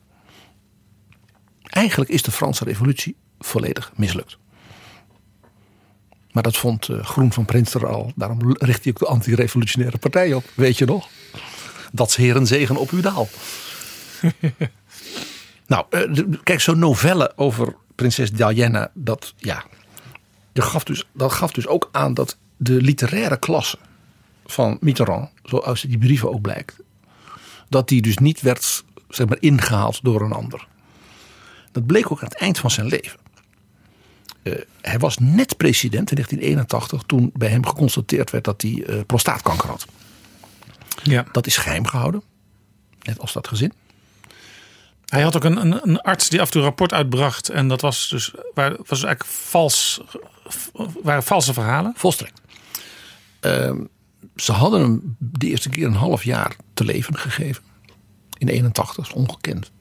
Nou, dat hij is behandeld en dit en dit. En dat heeft geholpen in die zin. Hij is uiteindelijk in januari 1996, dus kort na zijn tweede ambtstermijn, eh, gestorven. In die laatste nou ja, twee jaar van zijn leven heeft hij dus allereerst dus dat tweede gezin publiek gemaakt en Mazarin erkend. Want stel je voor dat ik morgen dood ben en dan. Wat een nou ja, gebaar was om zijn leven ook te ordenen. En hij wilde een aantal boodschappen kwijt. Hij was zeer bezorgd na de val van de muur. eh, en de Duitse hereniging als pluspunten. dat het dus in Joegoslavië zo fout ging. Eh, dus dat aan de randen van Europa, denk ook nu aan de Oekraïne en de Krim. Dus de, de, de, de zaak weer begon te gisten. Ja, in die gebieden waar men de democratie en mensenrechten nou, ja, niet had meegekregen in de voorbije honderd jaar. Eh, hij was natuurlijk ook zeer bezorgd over de opkomst van mensen als Le Pen. En dan heeft hij dus vlak voor het eind van zijn presidentschap, in 1995, eh, gevraagd, en dat werd goed gevonden, of hij het Europees Parlement mocht toespreken. Met eigenlijk een soort wat de Amerikanen noemen valedictory message. Een afscheidsboodschap. Die toespraak is uniek. Want die, daarin vertelt hij dus over zijn persoonlijke levensgeschiedenis. Als Franse jongen. eh, hoe ze Duitsland hadden leren haten. Eerste Wereldoorlog. Hoe hij zelf dan als jonge soldaat in de Tweede Wereldoorlog krijgsgevangen wordt ge- geraakt. Hoe dan na de oorlog de verzoening tot stand komt. En wat dat betekent, dat dat dus niet vanzelf gaat. Eh, De opnames van die speech zijn echt indrukwekkend. Want je ziet mijn oude baas Delors. Die zit aan zijn voeten letterlijk bij dat spreekgestoelte. Op een bepaald moment tranen. eh, nou ja, hem aanhoren. Want je ziet dat Delors beseft. Dit is de laatste keer. Ja. Dat hij dit nog kan fysiek. Daarnaast over. En ja, die mensen hadden natuurlijk zo met elkaar gewerkt. Zoveel samen meegemaakt. Je ziet dus de grote emotie van de altijd wat ingetogen, eh, bijna Calvinistische eh Delors. En het is misschien mooi dat we het slot van die toespraak, met misschien wel de beroemdste citaat, weten wij nu achteraf, van alle toespraken van Mitterrand, dat we dat even laten horen. Ja, we gaan even luisteren naar Mitterrand in het Europees Parlement. In die mooie, oude, wat kleinere, maar daardoor ook een zaal met meer cachet wat mij betreft. Maar het is natuurlijk ook waar je voor het eerst kennis maakte met zo'n parlement. In die mooie oude zaal in Straatsburg. Il faut vaincre ces préjugés. Ce que je vous demande là est presque impossible, car il faut vaincre notre histoire. Et pourtant, si on ne la vainc pas, il faut savoir qu'une règle s'imposera, mesdames et messieurs. Le nationalisme, c'est la guerre.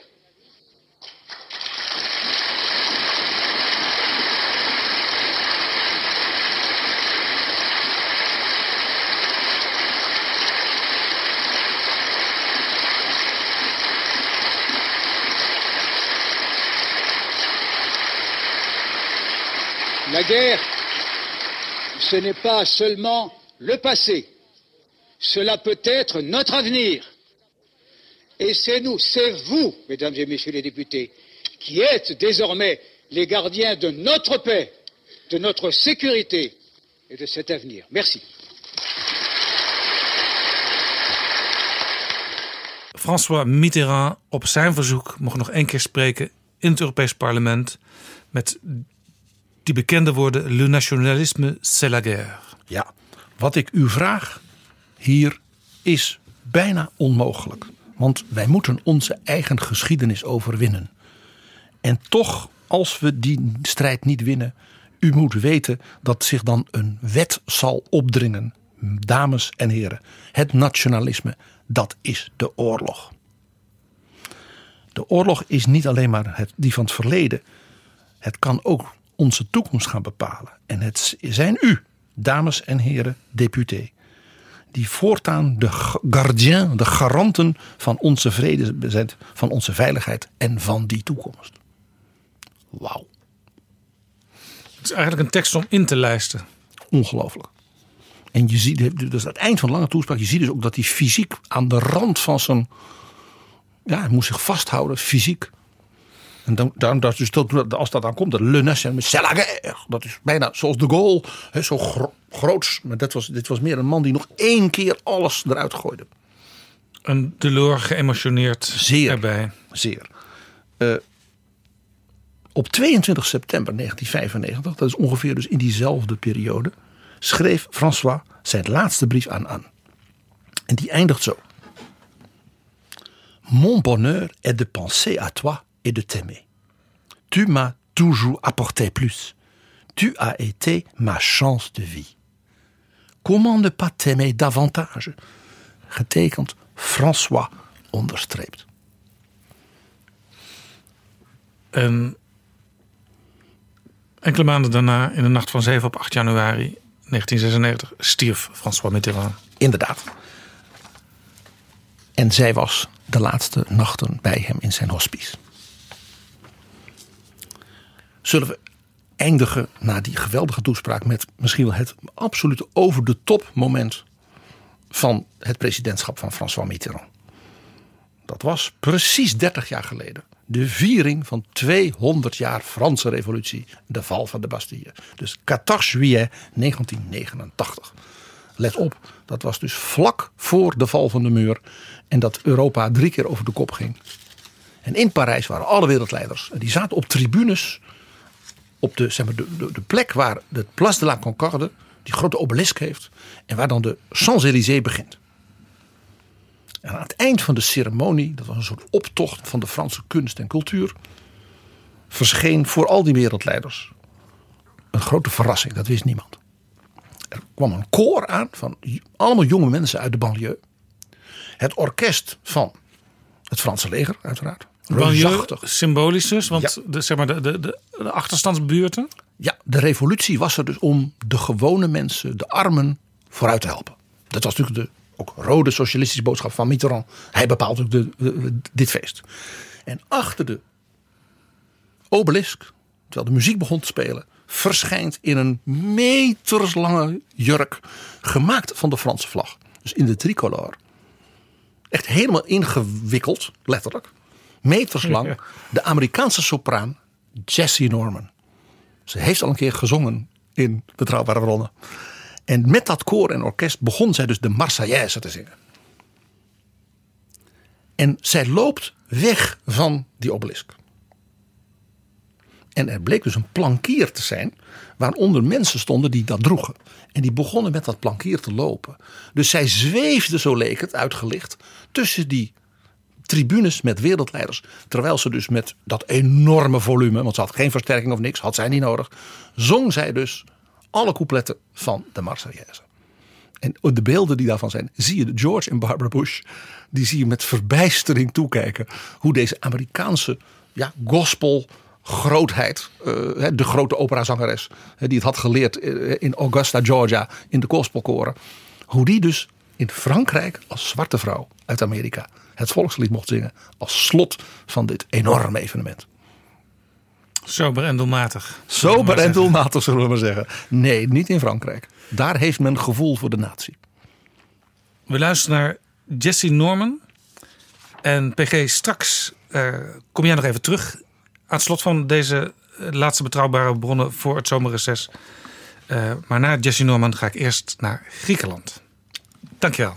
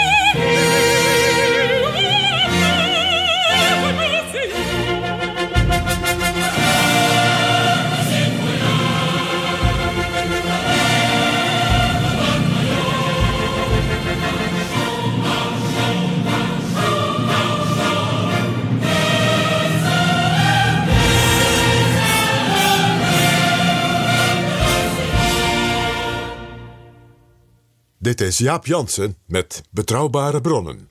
Afgelopen zondag koos Griekenland een nieuw parlement. De centrumrechtse partij Nieuwe Democratie kreeg de absolute meerderheid en neemt de regering over van het linkse Syriza van premier Alexis Tsipras. Ik ga praten met Caspar Veldkamp, de afgelopen vier jaar de Nederlandse ambassadeur in Athene. Deze zomer neemt hij afscheid. Welkom in Betrouwbare Bronnen, Caspar Veldkamp. Ja, goed hier te zijn. U staat in een mooi rijtje, want de eerste ambassadeur die ik in Betrouwbare Bronnen dit jaar mocht ontvangen was Peter Wilson, de Britse ambassadeur in Den Haag. En de tweede was Pim Waldek, oud-ambassadeur van Nederland in Londen. U bent de derde. Fantastisch, mooi rijtje. U bent ambassadeur en er was natuurlijk afgelopen week wat gedoe rond de Britse ambassadeur in de Verenigde Staten. Uh, zijn ambtsberichten aan Londen die zijn gelekt en die kwamen in de, in de media terecht. De ambassadeur is inmiddels ook uh, vertrokken. Nou bent u natuurlijk gewend als ambassadeur om heel regelmatig ambtsberichten naar Den Haag te sturen. Ja. Wat dacht u toen u dit verhaal hoorde? Nou, je wil liever niet dat je eigen ambtsbericht op straat komen te liggen.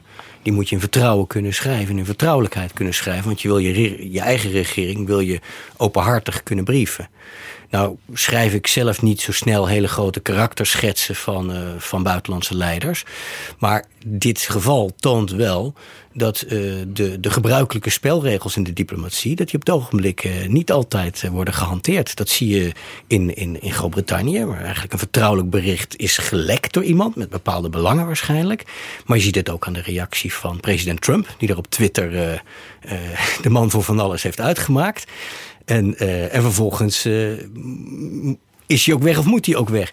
Dat is, we zitten in een tijdperk waarin de geldende spelregels van hoe we gaan met elkaar om als landen niet overal meer worden gehanteerd. En dat niet alleen als het gaat over Turkije of Rusland en dergelijke, maar ook als het gaat over de VS en het VK tegenwoordig. Dat is wel opmerkelijk. Ja, en zo'n ambassadeur, uh, u zelf ook, schrijft natuurlijk naar eer en geweten wat hm. hij ziet en hoort in het land waar die gepost ja. is. U zegt al, dit is, dit is heel bijzonder, maar het hoort ook een beetje bij de tijd. Of kunnen we zeggen, ja, het heeft toch ook wel heel erg te maken met en de situatie in Londen op dit moment en de situatie in Washington op dit moment. Ja, ja, ja. mijn ervaring eh, zie ik. Eh, ik heb ook in Washington gewerkt in het verleden. Uh, ik ken daar nog steeds heel goed de weg in letterlijke zin, in de, in de krochten van het congres.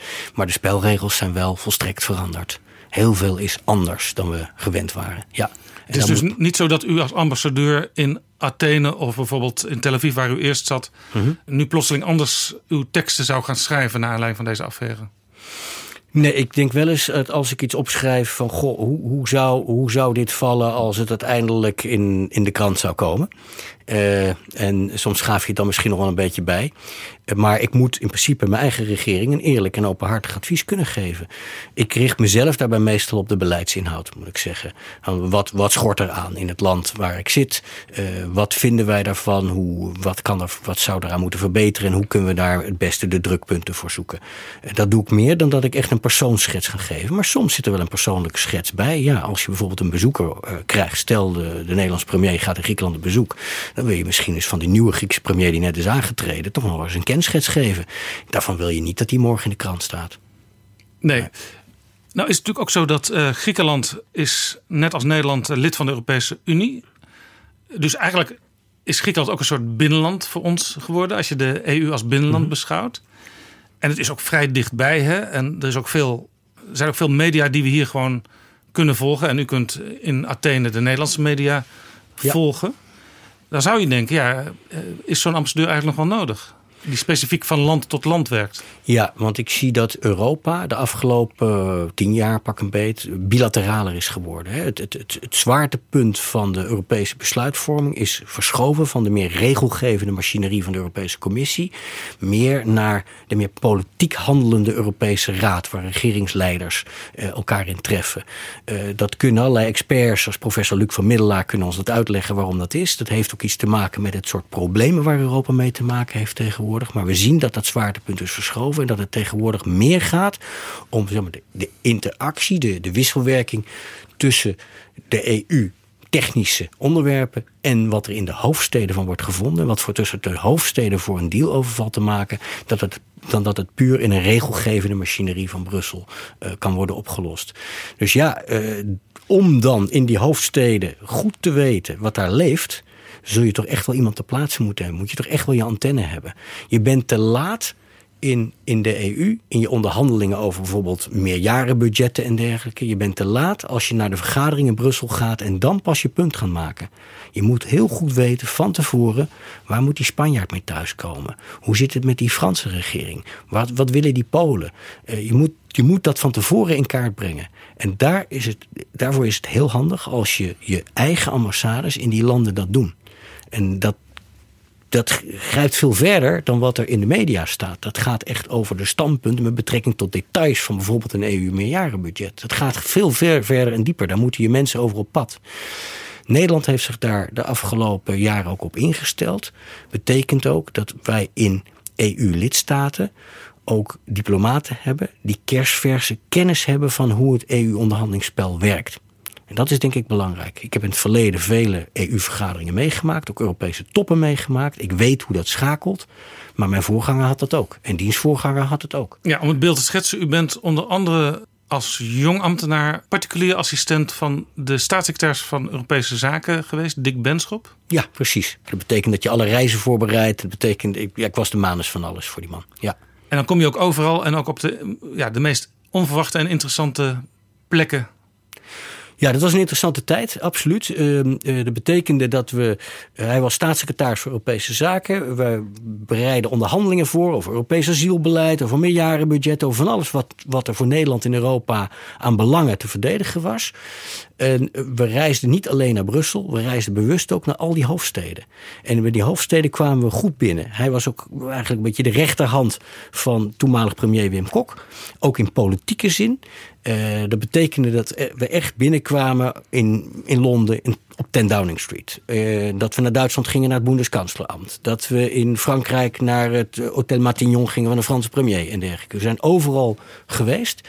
En die toegang is dan ook wel heel belangrijk. Want het gekke nog... is dat die functie, staatssecretaris -hmm. van Europese Zaken, die bestaat niet meer in Nederland. Ja, je hebt al een tijdje niet meer. Nee, het is, uh, het is uh, een tijdje al samengevoegd met het, de functie van minister van Buitenlandse Zaken. Er zijn wel eens mensen zoals Caroline de Gruiter, een journalist en columniste, die pas suggereerden: maak een speciale vicepremier voor Europese Zaken. Want het is natuurlijk wel zo dat dat Europese vlak een, een hele eigen soort vierde bestuurslaag is geworden. Boven gemeente, provincie en rijk hebben we daar natuurlijk hele grote belangen te verdedigen. En het is goed om dat, om dat goed te organiseren, goed te verankeren. Dat gebeurt denk ik op dit moment prima. Uh, Stef Blok doet dat met uh, een team wat op buitenlandse zaken zit, dat tegelijkertijd ook de minister-president bedient. Uh, dat zijn belangrijke dingen. Ja, ja en de minister-president heeft natuurlijk ook nog zijn eigen raadsadviseurs die, die hem ook bij het Europese beleid helpen. Ja, op zich zijn dat een klein, is dat een klein team, wat heel erg voor de, de inhoudelijke voorbereiding samenwerkt met buitenlandse zaken ook. Ja. Bent u het eens met Caroline de Gruiter? Zou het goed zijn als zo'n functionaris, zo'n politieke functionaris op het ministerie van de premier komt? Uh, ik, ik heb zelf altijd gedacht dat het beter is die toch buitenlandse zaken te houden. Omdat uh, anders ook de premier zelf meteen de volle politieke verantwoordelijkheid krijgt. voor wat er met die functie een rol speelt. Nu kan hij nog altijd tegen zijn uh, buitenlandse collega's zeggen. van ja, dat is voorbereid door mijn minister of staatssecretaris. en die overrule ik nu. Dat, en ik denk ook dat het handig is om de EU-coördinatie en beleidsvorming dicht te beleggen bij de organisatie die aansturing geeft aan onze bilaterale ambassades in Europa omdat eh, die uh, van de hoed en de rand weten, zoals ik daar straks uitlegde, hoe, uh, hoe de hazen lopen in, in Europese hoofdsteden. Ik denk ja. dat je dat contact hecht moet houden. Maar ik heb er wel over nagedacht toen ik dat las van Caroline de Gruiter. Want ik kan me herinneren uh, dat zo rond 2002 dit ook wel een idee was wat toen in de Partij van de Arbeid leefde. Maar laten we een vicepremier of een speciaal minister voor Europese zaken aanstellen. Uh, en uh, ook om aan te geven hoe belangrijk dat onderwerp voor Nederland is. Ja, ja, bij verschillende partijen komt dat af en toe op. Ik herinner me ook bij D66 dat Brinkhorst er ook wel eens voor heeft gepleit. Een speciale minister voor Europese zaken. Ja. En dan misschien wel inderdaad op algemene zaken. Ja, in sommige landen zie ik dat ook zo. Uh, ik ben daar eigenlijk wel blij mee om, om de reden die ik aangaf. Dat het in Nederland uh, het onderwerp stevig bij buitenlandse zaken is belegd. En dat algemene zaken, dus de staf van de premier, daar prima tevreden mee is. En misschien ook wel goed omdat de minister van Buitenlandse Zaken, u noemde de naam Stef Blok ja. al. Die is natuurlijk op zijn reizen over de wereld. Uh, moet hij ook steeds uh, niet alleen het Nederlandse belang, maar ook uh, het Europese belang in de gaten houden. Mm -hmm. Dus het speelt eigenlijk altijd. Ja, het speelt altijd. Het is wat dat betreft in elkaar geschoven. ik denk dat ook de hele, het hele idee van Europa in de wereld. En wat is in Europa in die wereld ook in relatie tot de toenemende rivaliteit tussen de VS en China. Dat dat belangrijker wordt. en dan is het, is het prima om dat te beleggen bij dezelfde persoon. als die in, de, in de rest van de wereld rondreist buiten Europa. ja. ja. We gaan het zo over wat er de afgelopen vier jaar in Griekenland is gebeurd en hoe we dat uh, ervoer hmm. hebben. Maar toch nog even uh, over de techniek. U valt dus onder buitenlandse zaken. U werkt voor het Koninkrijk, maar u valt rechtstreeks onder buitenlandse zaken. Nou was het natuurlijk zo dat de afgelopen jaren in Griekenland uh, ging het heel erg over de financiële en de economische crisis. Dus ook over de euro. En het ging ook over de vluchtelingensituatie waar Griekenland direct mee te kampen had. Betekent dat, dat dat u dan ook met uh, de ministeries die daarover gaan in Nederland veel contact hebt? Ja, ja, ja, ja. Kijk, ik ben benoemd door de ministerraad, zoals iedere ambassadeur. Beëdigd door de koning. Ik werk in principe voor heel Nederland. Uh, dat betekent voor regering, ook voor oppositie. Als er een uh, oppositieparlementariër bijvoorbeeld langskomt. Jesse Klaver pas langs gehad. Thierry Baudet ook al eens een keer langs gehad. Uh, maar ik werk ook voor de Nederlandse samenleving. Dus als er een maatschappelijke organisatie, wat vluchtelingenwerk of iets dergelijks langskomt. Dan sta ik daar ook. Dan help ik die ook. als ik kijk naar het werk wat ik afgelopen jaar heb gedaan, dan stond dat heel duidelijk in het teken van de euro en van de migratiecrisis. En uh, op die terreinen werkte ik daar ter plaatse rechtstreeks samen met de lokale ministeries van Financiën, met de Centrale Bank in Griekenland en met het Migratieministerie als het over migratie ging en de, alle instanties die daarbij horen. Denk aan de asieldienst. En zo is het hier ook. Uh, ik werk met buitenlandse zaken. Ik zorg dat ze nooit op informatieachterstand komen te staan. Maar het meest direct werkt mijn team toch wel op het gebied van de euro met de directie buitenlandse financiële betrekkingen van het ministerie van Financiën bijvoorbeeld. We werken ook rechtstreeks met het ministerie van Justitie en Veiligheid als het over migratie gaat. want de, Europa is een soort bestuurslaag en ben je een ambassadeur in een EU-lidstaat, dan ben je dus heel sterk bezig met die onderwerpen die in relatie tot dat land op de Europese agenda staan. Ja, en, en Dijsselbloem, die zich natuurlijk het meest heeft bezig gehouden destijds met die crisis als voorzitter van de Eurogroep, die heeft natuurlijk een eigen eh, team, ook een beetje vanuit Brussel. Uh, maar hij maakt ook gebruik van ja, zijn eigen Nederlandse mensen die, die toch al in Athene zitten. Ja, Ja, die vijf jaar lang heeft hij heel duidelijk gebruik gemaakt... ook van onze ambassade en ook in zijn informatievoorziening. Want het is een heel klein team in Brussel... wat zeg maar de agenda van de eurogroepen voorbereiden. Uh, maar gaat het om duiding van wat speelt er nu politiek in Griekenland... en hoe moeten we dat relateren aan de volgende eurogroepvergaderingen? Wat zijn de mogelijkheden en de onmogelijkheden voor de Griekse regering? Kwam men toch sterk uh, bij, mij terecht. En uh, uh, ja, dat, dat, dat, dat is heel duidelijk. Ook de keren dat hij op bezoek is gekomen, werd het door de ambassade, werd het door mijn team georganiseerd. Van, van de logistiek en de auto's en de afspraken tot de inhoudelijke voorbereiding van bij deze contactpersoon. Bijvoorbeeld, hij, hij sprak met de oppositieleider, dat soort mensen. Bij deze contactpersoon kun je dat verwachten, kun je best deze punten nog eens benadrukken, et cetera. Ja. U trad aan half 2015. Mhm. Uh, dat was net het moment dat er een half jaar een nieuw kabinet zat van Alexis Tsipras. Ja. Gevormd door de Syriza-partij. Dat is eigenlijk een coalitie van een uh, aantal kleinere radicaal linkse partijen, 13 bij elkaar. En die partij die had de verkiezingen gewonnen omdat de kiezers eigenlijk uh, het wel gehad hadden uh, met uh, zowel de, de conservatieven, de Nea Democratia, als de uh, PASOK-partij, zeg maar de mm -hmm. oude sociaaldemocraten. dus deze ja, toen echt populistische, hele linkse partij, die sprong in dat gat en die won de verkiezingen. En die kreeg het meteen aan de stok met Europa, want ja. die hadden niet zoveel zin in die hele strenge eisen die in de eurozone gelden. Ze konden ook plotseling en onverwacht een referendum aan, waarin ze de bevolking vroegen: stemt u maar eens over die plannen die Brussel heeft. Op het moment waren er trouwens nog geen hele specifieke plannen uit Brussel, maar iedereen kon natuurlijk nagaan wat dat zou worden. Toen stemde 62% van de Grieken tegen de plannen, die ja. ze nog niet kenden. Er was toen een minister, Yanis Varoufakis, die ook heel erg uh, tegen die plannen was in Griekenland. En dat was ongeveer het moment dat u binnenkwam als nieuwe ambassadeur. Ja, ja, dat waren heftige tijden. Uh, en het was ook het grote vraagstuk: gaat Griekenland uit de euro vallen, de Grexit, of, of niet? En dat had ook voor burgers allerlei gevolgen. Er stonden lange rijen voor de geldautomaten, er kwam geen geld meer uit de geldautomaat. Dat, dat, soort, uh, dat soort zaken. Capital controls werden ingesteld. Ook bedrijven konden niet zomaar meer rekeningen naar het buitenland en zo. Ja, betalen. juist op dat moment hè, van, ja. van dat referendum. Er kwam op een gegeven moment het bericht: u kunt nog maar 60 euro per dag uit ja. de muur halen. Ja, Precies. En heel veel mensen wilden zoveel mogelijk, gingen iedere dag weer naar die geldautomaat. Omdat ze dachten, als ik nu nog euro's heb, dan, dan blijven, die, blijven die van waarde. Want stel dat Griekenland uit de euro valt en we gaan opnieuw naar een soort drachme die meteen razendsnel gaat devalueren, dan word ik een heel stuk armer. Dus dat was echt wel een, een, een, spannende, een spannende situatie. Een spannende situatie ook met veel demonstraties, heftige demonstraties, molotovcocktails en dergelijke. Dat is uh, een, een spannende situatie ter plaatse geweest, maar natuurlijk ook op het Europese vlak.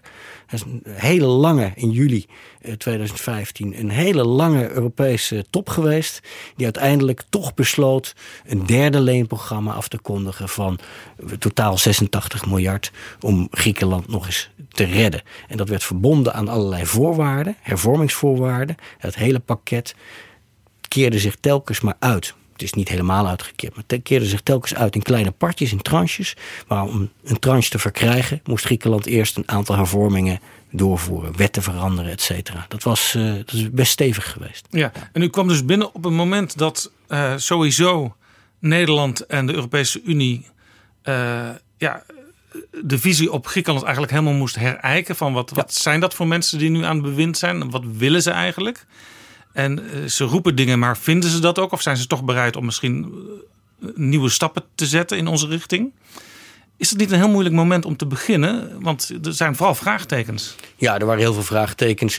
Kijk, de, de, uh, die regering die aan de macht kwam, die kwam voort dus uit een, uit een soort radicaal linkse beweging. Die sloot ook een coalitie met een populistisch rechtspartijtje ook nog eens.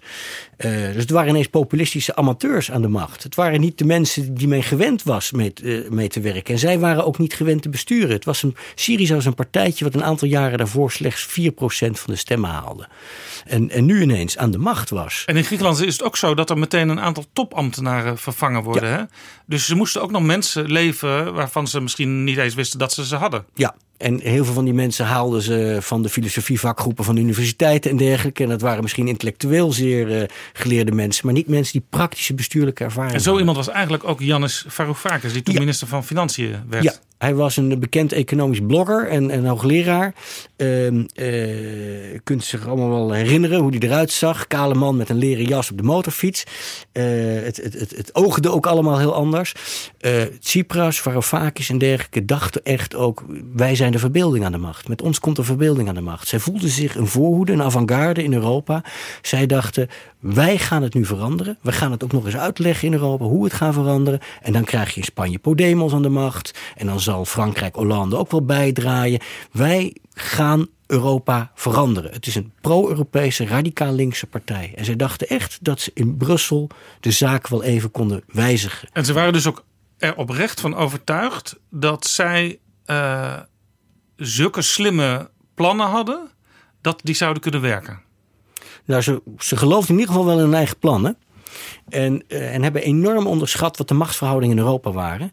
Dat een, een, een Duitse of een Nederlandse of een Finse regering in de eurozone ook een eigen publiek heeft. En ook een eigen democratie. En ook iets thuis uit te leggen als regering. En dat die helemaal niet zo happig waren op het zomaar kwijtschelden van, groot, van grote schulden bijvoorbeeld. Uh, uh, dat element hebben ze heel duidelijk onderschat. Ik kan me dat zelf ook wel herinneren. Uh, dat kort nadat ik aantrad, uh, dat ik een gesprek had met een adviseur van premier Tsipras. En dan bracht ik een boodschap van de Nederlandse regering. En die adviseur die probeerde mij persoonlijk ervan te overtuigen dat die boodschap de verkeerde boodschap was. Dat het de verkeerde koers was van de regering. Mij persoonlijk.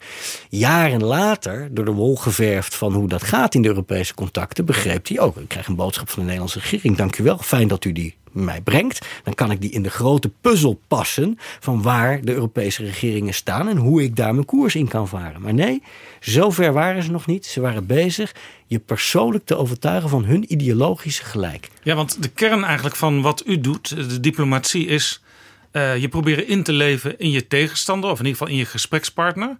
En te kijken waar uh, misschien gemeenschappelijke belangen te vinden zijn. En waar tegenstellingen te overbruggen zijn. En die houding hadden zij dus in die fase helemaal niet. Ja, en dat doe je overigens altijd met het Nederlands belang voor ogen. Ik, ik heb altijd voor ogen waar staat de Nederlandse regering? Wat vindt de Tweede Kamer? Uh, uh, hoe, waar ziet, zien wij Nederlandse belangen op een bepaald terrein? En ik probeer hen er ook van te overtuigen dat wij ook een, soms een andere kijk hebben op Europa. Dat we het niet ter plaatse over hoeven eens hoeven te worden, maar dat in het naast elkaar leggen van die verschillende blikken uh, wij misschien wat wijzer worden over hoe we ons doel willen bereiken. Dat, dat, dat heeft de Nederlandse burger toch wel behoefte aan. Ja, op 6 juli 2015 uh, trad Janis Varoufakis af. Was u toen al ambassadeur? Nee, nee, toen was ik er nog niet. Dus ik heb hem niet meer als minister meegemaakt, uh, helaas. Ja, ja, want zijn, zijn, zijn plaatsvervanger, die eigenlijk al veel Europese ja. raden uh, ja, deed. Die nam het toen over en ja. daar kon men eigenlijk meteen veel beter mee werken. Ja, ja. en wij als Nederland ook, meer omdat hij in Rotterdam is geboren. Hij is in Groot-Brittannië opgevoed, uh, opgegroeid. Uh, ik denk dat hij, deze man is ook radicaal links. Radicaal linkse opvattingen. Maar uh, had veel beter door hoe de Europese machtsverhoudingen lagen. En had ook veel beter door waarom wij als land als Nederland of een land als Oostenrijk of Finland of Slowakije, de landen wat strenger stonden ten opzichte van de Griekse situatie, waarom wij een kijk hadden zoals we die hadden. En dat respecteerde hij op zich. Hij kon het er niet mee eens zijn. Hij wilde het anders. Maar hij respecteerde waar wij vandaan kwamen. Misschien ook wel door zijn, zijn, zijn, zijn internationale achtergrond. Uh, uh, en en ja, dat, dat, daar, viel, daar viel goed mee te werken. Ik heb bijzondere gesprekken met deze man gehad. Waarbij we heel goed konden samenwerken over wat is de Eurogroep van volgende week. Wat staat er op de agenda en wat spreken we nou af. En welke boodschappen kon ik daarvan meenemen of brengen. Maar bij het verlaten van de Kamer zei hij dan toch wel eens van... ja, Caspar, je moet niet vergeten... het beste bedrijf is toch een staatsbedrijf. Dus hij was toch echt wel een, een, een, een puur linkse, linkse man... maar een met een pragmatische inslag. Hij, hij sloot nog net, net niet af met een gebalde vuist. Nee, nee. Ja, die heb ik ook wel eens meegemaakt. was bijzondere, bijzondere ontmoetingen gehad, ja. Ja, ja. ja. En toen um, moest die nieuwe minister van Financiën moest nog zijn eigen parlement overtuigen. Maar dat, dat lukt eigenlijk niet meteen. Hè? Want op een gegeven moment heeft uh, premier Tsipras besloten om nieuwe verkiezingen uit te schrijven. Want een deel van zijn eigen fractie ging nog steeds niet mee met de veel meer gematigde plannen. En een deel is ook uit de partij gestapt, heeft een eigen partijtje opgericht. Die zijn toen in september 2015 onder de kiesdrempel verdwenen. Daarmee was het wel duidelijk dat uh, Tsipras, die de verkiezingen won, dat hij uh, koers had om, uh, dat hij het mandaat had om door te gaan. Ja, en je zou kunnen zeggen dat, dat hij daarna definitief meer een middenkoers is gaan, gaan varen. Dus bezuinigingen en hervormingen zoals Europa die vroeg, daar, daar ging Griekenland toen aan meewerken. Ja, kijk, hij heeft een, een, een, een, een kolotumba noemen ze het in het Grieks gemaakt. Hij heeft een, een koprol gemaakt. Hij heeft een, een, een referendum uitgeroepen tegen dat leenprogramma. En enkele weken later sloot hij het toch. Uh, en uiteindelijk is dat door de Griekse kiezer geaccepteerd. Ik heb me wel eens afgevraagd waarom, hoe zit dat? Daar blijken hele focusgroepen over te zijn geweest. Dat is raadselachtig natuurlijk. Ja, maar veel mensen hadden toch het idee, veel kiezers hadden het idee... deze man heeft het tenminste geprobeerd. En uh, liep inderdaad tegen de grenzen van de mogelijkheden op. En we accepteren, hij heeft het tenminste geprobeerd. Dus het is heel raadselachtig dat hij zo'n koerswijziging heeft ingezet. Maar het is wel geaccepteerd. En sindsdien kun je zeggen dat Tsipras langzaam, maar zeker toch richting centrum links is opgeschoven. Uh, Ik zie hem nu ook af en toe in Europees verband bij Frans Timmermans en ja. de Spaanse premier Sanchez uh, zitten voor overleg. Ja, hij steunde ook openlijk Timmermans in, het, uh, in de, alle besluitvorming over de topbenoemingen. Openlijk. Hij was openlijk kritisch over Weber, steunde openlijk Timmermans. Uh, uh, je ziet hem meer als waarnemer nog steeds formeel met de Sociaaldemocraten optrekken. Tegelijkertijd, het is niet echt een, een volledig Sociaaldemocratische partij. Dat wordt het ook niet. Ik heb pas nog eens aan iemand van Syriza gevraagd: van, krijgen jullie nou nog een, een Baat Godesberg moment? Zoals de Duitse Sociaaldemocraten dat hebben gehad in jaren 50, uh, geloof ik. Uh, waarin ze het marxisme afzworen en echt voor de sociaaldemocratie kiezen. Ik zie Syriza dat niet morgen doen.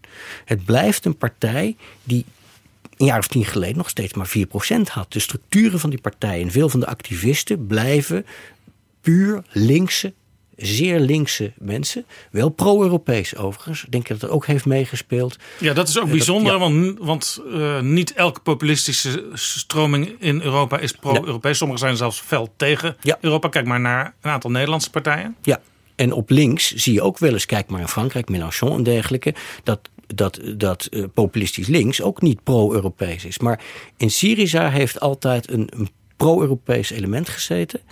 Uh, men wilde Brussel veranderen, maar men was wel voor Europese samenwerking. Ik denk dat dat heeft meegespeeld, ook in die Kolotumba van, in die koprol van Tsipras. Hij heeft waarschijnlijk praktisch gekeken van als ik uit de euro stap, dan moet ik eerst met mijn hele samenleving een enorm dal in voordat we daar weer uitkomen. Dat is een praktisch argument. Ik denk dat er ook een ideologische reden was om niet uit die euro te stappen. Omdat ze in wezen een pro-Europese afkomst hadden en een pro-Europees doel voor ogen. Nou is het gekke, Europa werd steeds tevredener over die regering Tsipras. Eigenlijk de, de, de, mm -hmm. de tweede regering Tsipras. Ja. Uh, ze hielden zich keurig aan de afspraken. Hebben soms zelfs doelen overtroffen. Het beter gedaan dan, dan mm -hmm. hoefde. Ze hebben ook een overschot op de, op de begroting. Dat is ook, was ja. ook een eis hè, van Brussel. Ja. Dus Europa tevreden, maar de Grieken langzamerhand steeds minder. En ze hebben nu ook gekozen voor uh, de oppositiepartij. Ja. De, de, zeg maar de, de conservatieven die vroeger al heel vaak aan de macht waren. Ja, ik denk dat je, dat je ziet, uh, globaal heeft inderdaad de regering Tsipras heeft, heeft uh, het leenprogramma uitgevoerd. Uh, ze hebben al die, die vereisten van ons, die hebben ze althans op papier hebben ze die ingevoerd. Dat kon ook met de merkwaardig sterke fractiediscipline die ze hanteerden. Wat dat betreft waren ze kennelijk toch communistisch genoeg om heel goed te beseffen wat macht is en machtsverhoudingen. Dat hebben ze, het is geen frivole linkse partij. dat hebben ze gedaan. Uh, uh, dat leidde wel uh, vaak tot tevredenheid inderdaad bij de crediteur en bij de instellingen. Vaak waren ze ook wel te langzaam of te laat, dat zeg ik er wel bij. Uh, maar overal is, viel het wel mee. maar voor de Griekse kiezer is de crisis ja, nog niet over. De, regering Tsipras vorig jaar augustus kunnen verklaren... kijk eens, wij zijn nu klaar met het derde leenprogramma. Wij zijn klaar met de gehate memoranda. Wij komen uit de fase van in totaal drie leenprogramma's sinds 2010. Uh, we staan weer op eigen benen. Er is nog wel een soort verscherpt postprogramma toezicht. Dus de eh, experts van de instellingen als Europese Centrale Bank en dergelijke komen nog regelmatig op bezoek en kijken en bij wijze spreken de boeken controleren.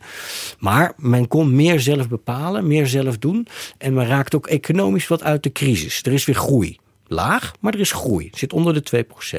En de Griekse kiezers denken niet dat hebben ze goed gedaan. We, we, worden weer van vol aangezien in Europa. Laten we ze daarvoor belonen. Nee, ik denk dat de Grieks, eh, veel van de Griekse crisis uh, nog steeds lam geslagen zijn door de jaren van crisis. Vergeet niet dat de economie sinds het begin van de crisis een kwart is ingeklapt. Dus heel veel mensen zijn, hebben echt ook hun besteedbaar inkomen erg omlaag zien gaan. Er zijn geloof ik 300.000 bedrijven gesloten. Ja, het is echt ongelooflijk. En uh, heel veel, een kwart van de, meer dan een kwart van de winkels was op een gegeven moment in Athene dicht. Dat soort, dat soort zaken. Ja, en ik dus- begreep dat in acht jaar tijd dat is nog een wat langere periode, maar in acht jaar tijd de pensioenen 23 keer verlaagd zijn. Ik weet niet of het 23 keer is uit mijn hoofd, maar ze zijn heel vaak verlaagd. Inderdaad, het minimumloon is niet hoog. Uh, de, de, de, als je afgestudeerd bent in Griekenland uh, aan de universiteit en je gaat 750 euro verdienen, dan ben je blij, bij wijze van spreken.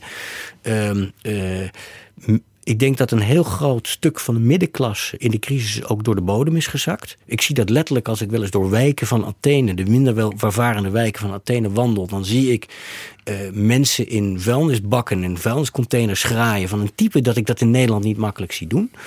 Uh, uh, er is dus echt wel heel veel, uh, heel veel schade.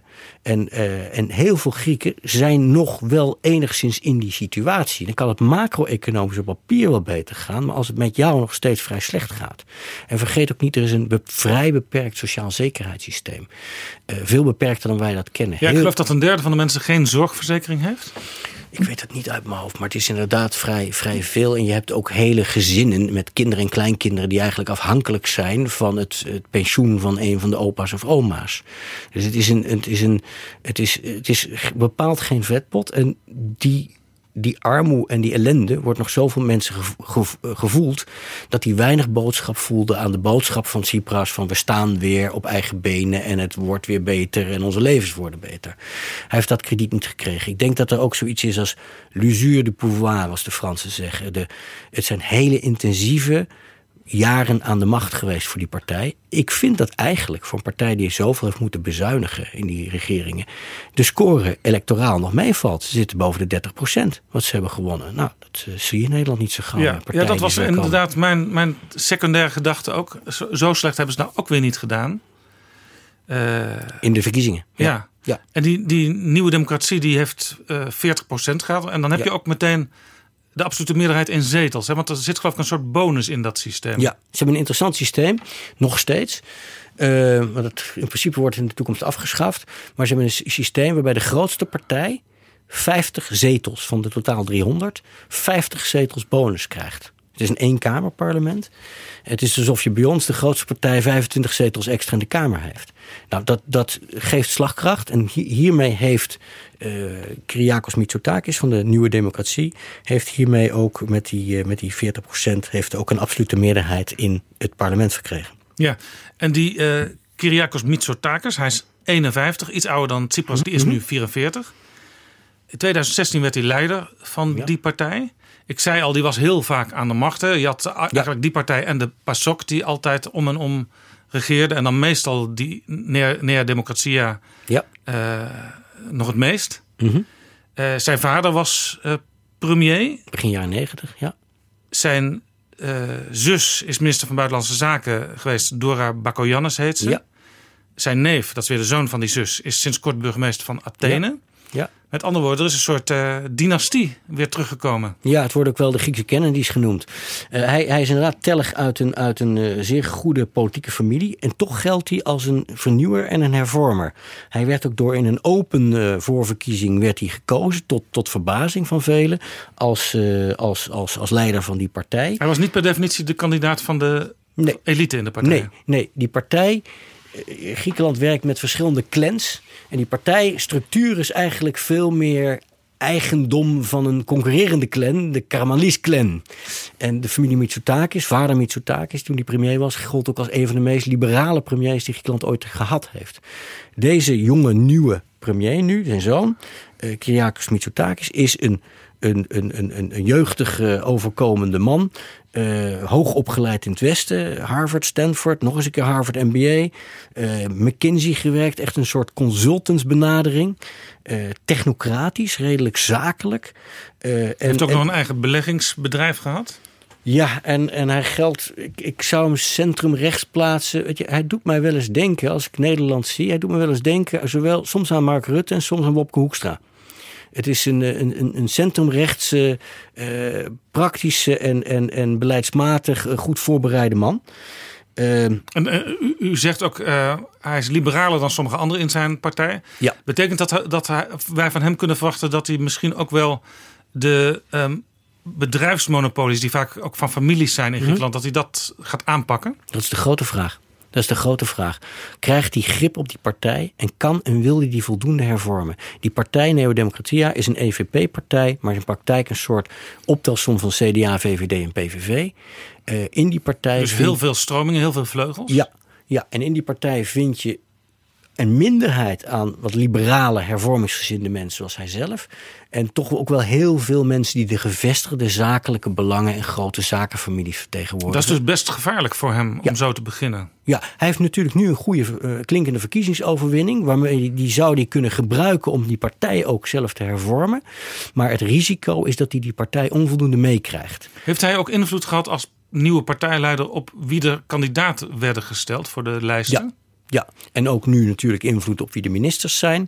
Uh, 51 ministers en staatssecretarissen, een heleboel. Uh, en daarvan zijn 21 heeft hij van buiten de politiek gehaald. Dus echt de mens, mens technocraten, experts en dergelijke. Dus hij heeft een beetje gekeken naar wat Macron doet en dat willen kopiëren. En ook mensen met internationale ervaring? Ook mensen zeker met internationale ervaring. Ik denk 51 dat bewindslieden, is dat, zijn dat er meer dan in de oude regering zaten? Uh, dacht net iets minder of ongeveer evenveel. Oké, okay, dus daar is, daar is geen grote verandering nee, dat, dat, wat, wat uh, uh, waar we wel enigszins van schrikken is hoe weinig vrouwen die heeft aangesteld. Uh, voor iemand die zich tot hervormingsgezind proclameert, daar zitten van die 51 zijn er maar vijf vrouwen. En daar krijgt hij dus internationaal van media en dergelijke ook veel kritiek op. Ja, want als we nu bijvoorbeeld naar Europa kijken, naar alle nieuwe posten die daar worden ingevuld, daar is nu langzamerhand toch wel het idee van dat als het even kan, dat de helft vrouw moet zijn. Maar dat is in Griekenland dus niet zo. Nee, hij zegt dat. Hij, hij, hij, heeft nu gezegd in een interview... ja, ik heb heel veel vrouwen benaderd, maar die wilden niet. Nou, oké, okay, uh, die discussie uh, die, die kennen we. Uh, hij zegt, ja, velen twijfelden toch of ze de politiek in wilden. Nou, oké. Okay. het was denk... dus waarschijnlijk één telefoontje en ja, daarmee basta. Terwijl, ja, soms moet je dat even wat beter inkleden allemaal. Ik weet niet hoe dat is gegaan. Het valt nee. mij op dat er internationaal kritiek op is.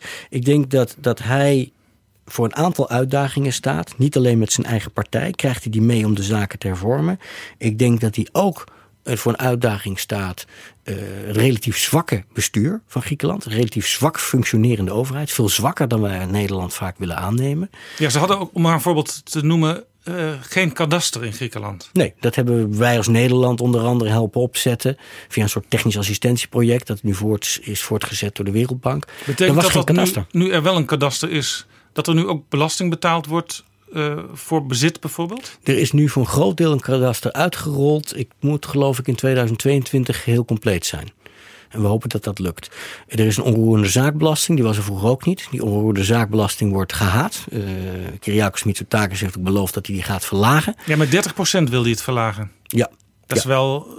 Dat, vanuit Europa is denk ik het idee... Mm -hmm. Doe dat nou even niet, want er zijn wel andere prioriteiten. Ja, kijk, hij heeft zich opgeworpen in de verkiezingscampagne als iemand die opkomt voor de belangen van de middenklasse. Die leed onder een hoge belastingheffing uit de, de Syriza-regeringen. Uh, inderdaad is het een Europees vraagstuk. Uh, waar hij zegt nu lastenverlichtingen te willen. Hij gaat er plannen voor indienen al deze zomer. Uh, waar, hoe gaat hij dat financieren? Hoe is dat fiscaal gedekt? En dat is iets waar wij als Nederland natuurlijk naar kijken. Wopke Hoekstra heeft als minister van Financiën na de laatste eurogroep meteen al iets over gezegd. wat in alle Griekse kranten is gekomen. Van ja, wacht even, er zijn wel afspraken. Mevrouw Merkel heeft dat inmiddels ook al gedaan. Er zijn wel afspraken, er is een hele set van afspraken gemaakt tussen Griekenland en ons als crediteurenland in de eurozone. Waar we van wel van verwachten dat Griekenland eh, eh, zich daaraan houdt. Ik ben ook heel blij dat ik als Nederlands ambassadeur een aantal maanden geleden al tegen Kyriakos Mitsotakis, toen hij nog in de oppositie zat, dat ik tegen hem heb gezegd.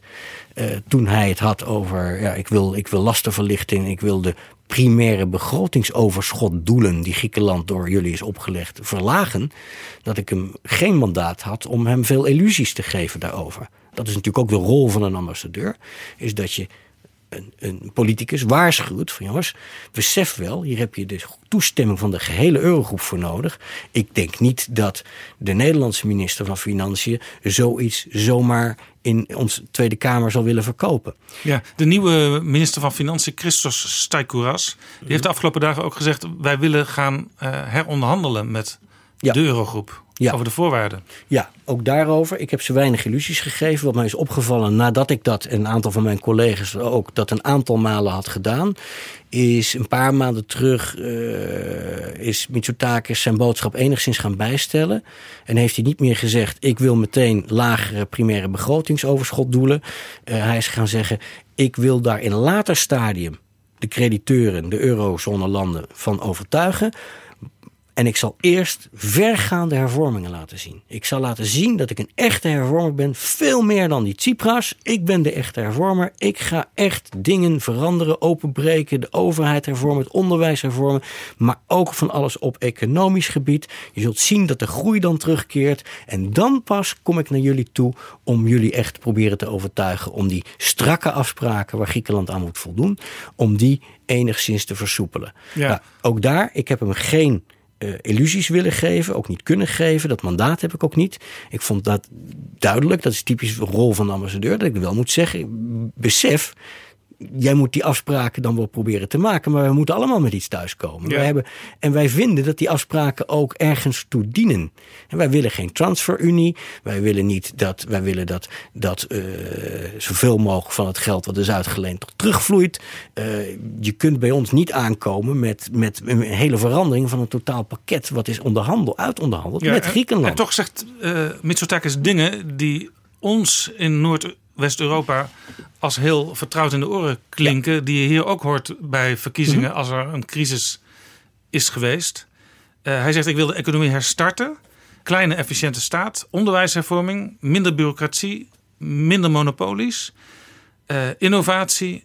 Investeringen groei van de export. Ja, dat is eigenlijk wat wij hier ook altijd in, in, in Nederland horen bij verkiezingen. Ja, veel van wat hij zegt, ook over lastenverlichting, verbetering van het ondernemingsklimaat dat echt nodig is, het aanzwengelen van investeringen dat echt nodig is, zijn dingen waar wij op zich achter staan. Want we willen natuurlijk ook dat die economie weer oppakt en gaat groeien. Want dat is ook in Nederlands belang als lid van de eurozone. Ja, veel bedrijven betalen iets van 70% belasting. Ja, heel veel ZZP'ers ook lijden onder hele hoge belastingdruk. Er is buitengewoon veel bureaucratie. Je kunt, je kunt niet zoals investeren even bij één loket je juiste stempels halen. Je moet naar twintig loketten bij wijze van spreken.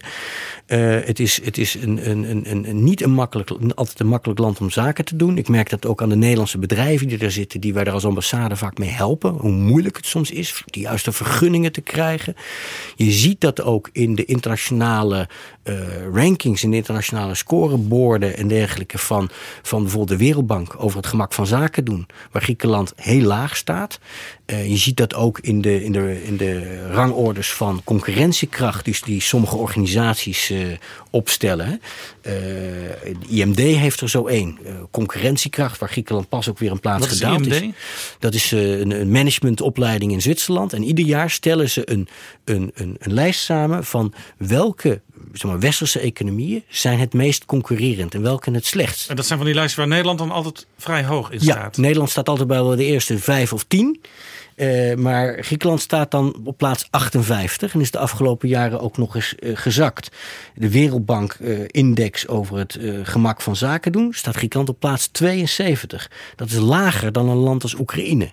En voor een land in de eurozone is dat gewoon niet goed genoeg. Dat Ja. moet beter. U begeleidt als, als ambassadeur natuurlijk ook wel eens eh, Nederlandse ondernemers die zaken Mhm. doen in, in Griekenland. Ja. He- Hebben, hebben Nederlandse bedrijven daar veel last van gehad, van, van die crisis? En zijn er misschien ook bedrijven gestopt met samenwerken met Grieken? Ehm, de grote Nederlandse bedrijven die er gevestigd zijn, zijn eigenlijk op één na allemaal gebleven. En dat komt ook omdat ze vaak al decennia of van, vanuit voor de Tweede Wereldoorlog al in Griekenland als investeerder aanwezig waren. En dat ze daar ook strategisch willen zijn, want ooit, met de redenering dat ooit die economie weer oppikt. Eh, stel een Friesland Campina, wat een groot bedrijf is in Griekenland, met eigen fabrieken. Stel die stapt uit, ja, dan stapt Danone in. Hè? Bijvoorbeeld, Ja. de concurrent. Ja. Eh, hetzelfde voor, voor Heineken, wat een groot bedrijf is daar. Wat eigen brouwerijen heeft daar. Wat van daaruit eh, exporteert tot aan China. Dus, eh, ja, maar het zijn dus geen, er zijn dus weinig bedrijven bijgekomen. Geen jonge, veelbelovende start-ups. Die, die werken niet met Griekenland samen. Wat ik heb gezien is dat de grote Nederlandse bedrijven wel zijn blijven investeren in hun productiefaciliteiten. Dus moderniseren van de productielijn van Friesland Campina. eh, bijvoorbeeld. Maar ze zijn, ik heb bijna niet gehoord van Greenfield-achtige sites, totale nieuwe fabrieken bouwen, nieuwe ondernemingen bouwen en dergelijke. Wat bijvoorbeeld wel gebeurt met eh, de nieuwe eh, Europese lidstaten in het oosten. Ja, ik zie, ik zie, ja, je ziet Unilever in Roemenië bouwen. Of je ziet, je, ziet, je ziet bedrijven die in Spanje of in Portugal fabrieken neerzetten. Griekenland, god, ook vanwege die lage rangorde op, op, die, op die, die lijstjes van concurrentiekracht. Dat is een reflectie van het wat moeilijke ondernemingsklimaat. De moeilijke wijze waarop je vergunningen krijgt, bouwvergunningen, eigendomsrechten. Moeilijk te regelen dingen. En dat zijn ook dingen die dus de nieuwe premier zegt te willen verbeteren. En wij vinden dat hard nodig. Ik maak daar vaak een punt van, van links tot rechts in Griekenland. Verbeter nou eh, de concurrentiekracht ook op micro-economisch niveau. Dat Dus zijn eigenlijk dingen die je ja, bijna gratis kunt organiseren. Ik bedoel, Ja. waarom heb je twintig loketten nodig als je het ook met één af kunt? Nou, misschien zijn, er met wel, een website. misschien zijn er wel gevestigde belangen die niet willen dat je dat via een website snel af kunt. Misschien zijn er wel, eh, je ziet bijvoorbeeld de productmarkt in Griekenland, zijn vrij sterk gekarteliseerd. Er zijn nog steeds gevestigde grote families die zakenbelangen eh, willen afschermen in plaats van de concurrentie aangaan. Dat, dat, dat soort gevestigde belangen spelen mee. En de grote vraag is: gaat deze nieuwe premier die aanpakken, die gevestigde belangen? Zeker, dat kan zeker moeilijk zijn, gezien het feit dat, dat die ook in zijn partij terug te vinden zijn, Ja. die belangen. Ja. Eh, het is nu inmiddels bekend welke ministers er aangesteld zijn. Mhm. Valt daar al iets uit af te leiden? Eh, ik vind het wel interessant dat hij dus heel veel technocraten van buiten de politiek heeft ingehuurd. Maar toch ook op een, een paar grote economische eh, grote posten een aantal ervaren mensen, echt ervaren politici.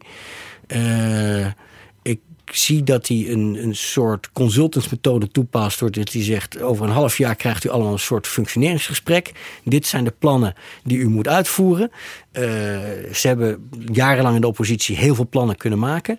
Dus ja, als hij een, een stukje van de bestuurscultuur van Griekenland weet te doorbreken. door een aantal dingen te moderniseren. dan zou dat in onze optiek natuurlijk. Nederlands regeringsbeleid zou dat heel mooi zijn. Hij heeft bijvoorbeeld ook gezegd: ik wil nepotisme, cliëntelisme en dergelijke bestrijden. Geen enkele minister mag familielid, een familielid in de eerste of tweede graad inhuren. Wat in Griekenland heel vaak gebeurde. Er is zo weinig vertrouwen in het functioneren van de publieke instellingen. dat je vaak zag dat een minister die een kabinetje samenstelt. naast de medewerkers. een neef inhuurt of een broer inhuurt. Of een Hier is dus ook veel werk aan de winkel voor, Ja. voor journalisten in Griekenland. Want ja, die kunnen nu gaan controleren of ze zich wel aan die belofte houden. Ja, maar het is ook iets. Het feit dat hij dit openlijk zegt, maakt het makkelijker ook voor ons als ambassades in, in, van landen in de eurozone. om hem daaraan te houden. Om te zeggen: je hebt dit geproclameerd, wat doe je daar nu aan? En eh, ik denk dat dat moet. Ik denk dat we ze moeten blijven eh, aanjagen, zoals ik dat bij de vorige regering ook heb geprobeerd. Van jongens, verbeter nou je concurrentiekracht. Verminder die bureaucratie. Maak het makkelijker om zaken te doen. Eh, ja, bouw ook een sociale zekerheidsnet beter op. Verbreed dat naar meer dan alleen maar die pensioenen. Eh, als je dat, zodra je dat kunt veroorloven. Maar het ondernemingsklimaat moet echt beter. En niet alleen ten behoeve van de Nederlandse bedrijven, maar ook voor de groei van de economie als geheel. In ons belang als Nederland in de eurozone. Als Mitsotakis dit allemaal gaat doen, En laten we dan hopen dat er ook nog een klein wondertje gebeurt om hem daarin te helpen. Ehm, dan zitten we toch nog steeds met eh, ja, de gemiddelde Griek die in de penarie zit. Tsipras die zei in de verkiezingscampagne... eh, als Mitsotakis aan de macht komt, dat wordt een slachting onder de arbeiders. Dat is een combinatie van extreem neoliberalisme met nationalisme. Ze moeten natuurlijk ook... eh, u had het straks over die verschillende vleugels in de partij. Ze zijn er nu in geslaagd om de Gouden Dageraad... de, de Ja. zeer extreemrechtse Neonazi- neonazi-partij... ja. Is onder de kiesdrempel verdwenen. Ja. En dus uit het parlement verdwenen. Ja. Daar zijn ze in geslaagd. Maar mm, ja, tegelijkertijd hebben ze die kiezers wel beloofd. We gaan nog veel, veel, strenger zijn als het over vluchtelingen gaat. Ja, Eh, ze hebben inderdaad beloofd een wat steviger migratiebeleid te hanteren.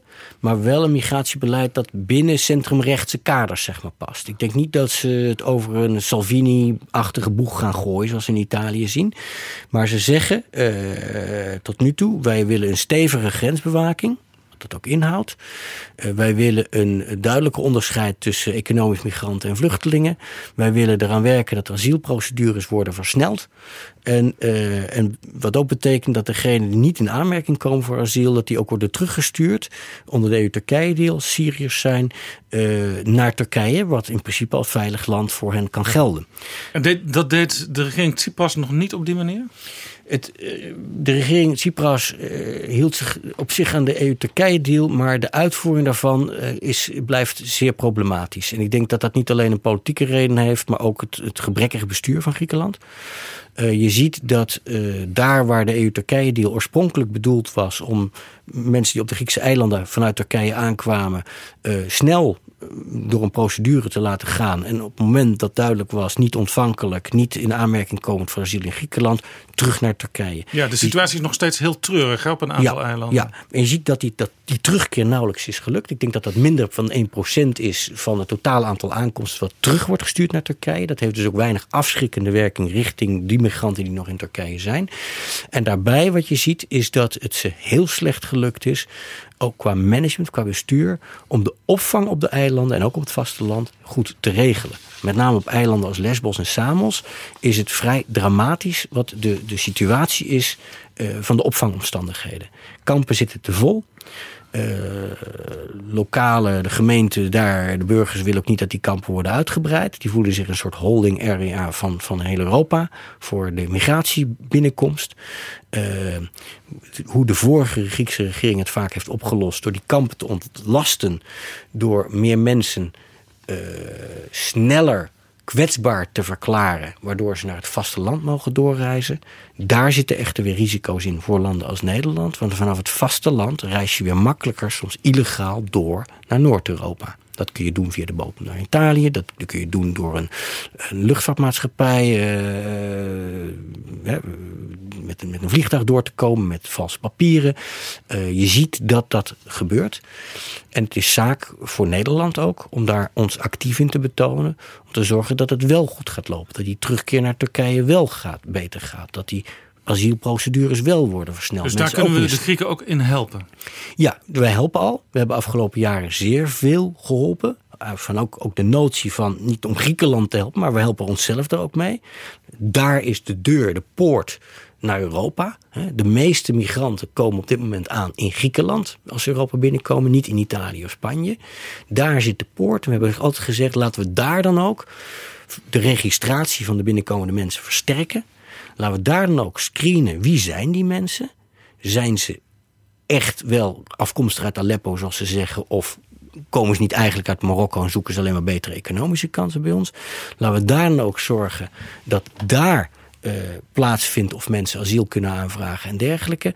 In plaats van dat die mensen doorreizen tot in Nederland en hier dat pas doen.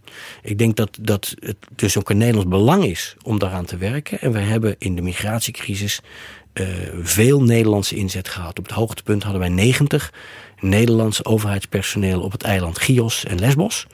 Eh, we, hadden ook, we hebben ook eh, schepen gehad in de NAVO-vlootje... wat vaart tussen de Turkse kust en de Griekse eilanden... wat ook de zaak monitort.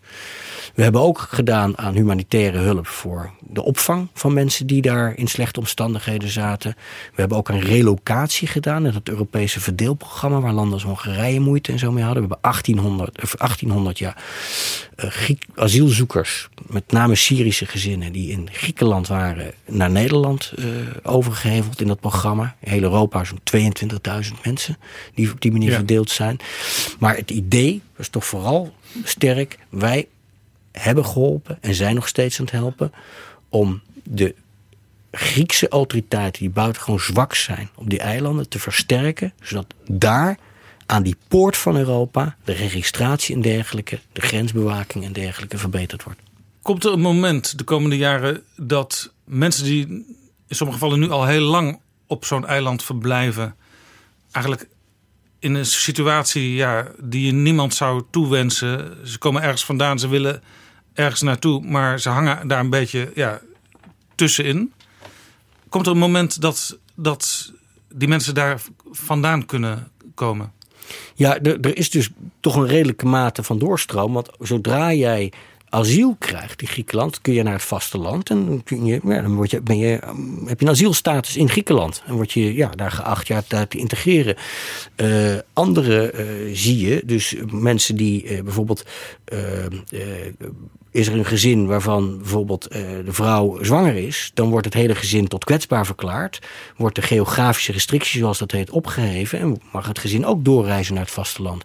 Dus het is niet zo dat die uh, eh, 17.000 mensen die zich op dit moment op de Griekse eilanden bevinden, dat dat continu dezelfde mensen zijn. Het, het, het gebeurt niet dat mensen daar vijf jaar zitten. Nee, dat heb ik nog niet gezien. Dat heb ik nog niet gezien. Het is wel veel te laat en veel te langzaam. De asielprocedures zijn te langzaam. Mensen vragen gesprek aan en krijgen pas over vele maanden een eerste afspraak. Uh, er is heel veel aan gebeurd om met extra experts uit Europese landen, ook Nederland, om dat te versnellen. Er is heel veel aan gebeurd, ook met hulp van Nederland en anderen, om te kijken, kunnen wij die procedures verbeteren? Er is ook heel veel aan gebeurd om te kijken, kunnen wij die opvangomstandigheden verbeteren? We hebben uh, mensen van de, de Griekse opvangdienst naar Ter Apel gehaald. We hebben de, de, de baas van de Griekse asieldienst in Nederland gehad. Wij laten dan zien van hoe doen wij het en wat kunnen we van elkaar leren. En, uh, en die gaan toch vaak terug met, met goede ideeën over hoe ze hun eigen situatie kunnen verbeteren. Ik denk dat we die capaciteit op dat gebied, klinkt, klinkt wat technisch misschien, maar hun kennis en kunde om uh, asielprocessen goed in te richten, opvang goed in te richten, dat we er heel veel aan Nederlands belang in hebben om dat daar te verbeteren. Ja, er is nog een ander uh, probleempje voor de nieuwe regering in, in Griekenland. De Republiek Noord-Macedonië. Tsipras die had op een gegeven moment een deal gesloten. waarin uh, onder andere een naam werd vastgelegd met de Europese Unie. Dat moest geregeld worden voordat Noord-Macedonië aanspraak kon maken op lidmaatschap van de NAVO. Ja. Uh, Stoltenberg, de SG van de NAVO, heeft nu gezegd: begin 2020 kunnen jullie wat, wat ons betreft lid worden. Maar de nieuwe regering heeft wel gezegd in de verkiezingscampagne: ja, wij zijn daar eigenlijk helemaal niet blij mee met, uh, met -hmm. die nieuwe naam, want wij hebben een ander idee bij het woord Macedonië. Ja. Als uh, noordelijke provincie van Griekenland. Ja, ja maar ja, ja, goed, nu, nu, nu zijn ze aan de macht en wat gaan ze nu doen? Ik ga ervan uit dat ze het, de gemaakte afspraken zullen naleven. Het is een verdrag, het is een internationaal verdrag. Het is aan beide kanten geratificeerd. Het heeft aan beide kanten een uh, parlementaire meerderheid gekregen. In, uh, in Noord-Macedonië zelfs de grondwet gewijzigd hiervoor. Uh, uh, Mitsotakis heeft in de verkiezingscampagne heeft hij zich kritisch getoond over dit verdrag. Hij zegt de, de kwestie van identiteit en taal en dergelijke is onvoldoende geborgd. Het merkenrecht, welk product mag zich Macedonisch noemen, is onvoldoende geregeld. Ja, Manfred Weber, de spitsenkandidaat van de mm -hmm. Christen-Democraten, is zelfs nog in de campagne uh, Mitsotakis komen steunen. En toen was er ook kritiek in Europa dat ja. hij hier geen kritische opmerking over gemaakt ja, heeft. Ja, precies, precies. En dat is misschien des te meer een reden geweest waarom Tsipras zo tegen Weber was. Um, uh, als, als nieuwe commissievoorzitter. Nee, maar ik denk dat Mitsotakis ook om een praktische, electorale, pragmatische reden zich tegen dit akkoord is blijven verzetten omdat hij bang was dat er anders een nieuwe rechtse partij zou opkomen. De rechterzijde van zijn eigen conservatieve partij. En die is er ook opgekomen, maar die is, heeft niet zoveel stemmen gehaald. Is onder de 5% gebleven. Uh, maar hij was met name bang dat er in Noord-Griekenland heel veel mensen. Uh, ja, anders inderdaad naar een andere nieuwe nationalistische partij zouden overlopen. Dus hij heeft, hij heeft zich kritisch getoond over het akkoord. Maar hij heeft ook wel tegen ons, ook als diplomaten, aangegeven... pacta sunt servanda, eh, verdragen worden nageleefd. Ik denk dat ze dat ook doen. Vergeet niet, Griekenland heeft een belang bij het internationaal recht... in relatie tot de grote buurt Turkije. En, en alle betwiste zee- en luchtgebieden rondom de Griekse eilanden. Ja, hoe is die relatie? Want we, eh, we zijn natuurlijk eigenlijk opgegroeid Ja. En met het idee, het gaat altijd wat stroef tussen eh, Griekenland en eh, Turkije. We hebben natuurlijk eh, het grote voorbeeld Cyprus, het eiland Mhm. wat eh, eigenlijk eh, Grieks verwant is, maar een deel is eh, Turks, Mhm. ooit bezet. Eh, Cyprus is ooit ook lid geworden van de Europese Unie. Maar dat was eigenlijk een hele rare, eh, raar Mhm. nieuw lid. Want ja, voor een deel niet eh, Cyprus zoals Cyprus het Nee. Tenminste, de grootste deel geen deel controle over het eigen wil- grondgebied. wil Ja. hebben. Ja. Eh, hoe is die situatie? En, en komt er ooit een moment dat die landen in volledige vrede met elkaar leven? Eh, Ik zie tussen eh, Turkije en Griekenland een, een, een rivaliteit, traditioneel. Er zijn heel veel zee- en luchtterreinen niet goed afgebakend. In de zin dat, dat men betwist wat, wat, daar, wat daar precies aan de hand is. Waarbij Griekenland altijd zegt, we beroepen ons op het internationaal recht... en wij hebben op grond daarvan gelijk en anders gaat u maar naar het internationaal gerechtshof. Daarbij is het nadeel dat Turkije het VN-zeerechtverdrag niet heeft geratificeerd, ook niet getekend.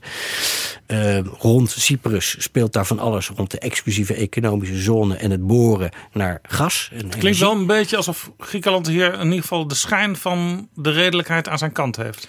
eh, in ieder geval wil hebben. En dat is ook een reden. En, en, en door zich te beroepen op het internationaal recht zal men ook het internationaal recht niet willen schenden als het over Noord-Macedonië gaat. En zal men een afgesloten verdrag ook willen respecteren. Ik denk dat de nieuwe regering dat zeker zal doen. Wat me opvalt, als ik kijk naar Turkije en Griekenland.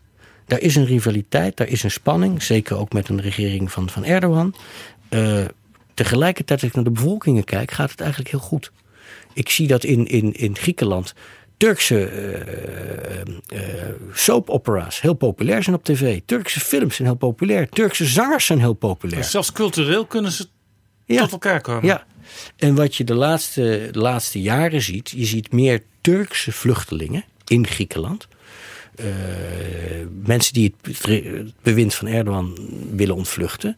Je in Griekenland, die komen vaak niet via de eilanden, maar via de landgrens.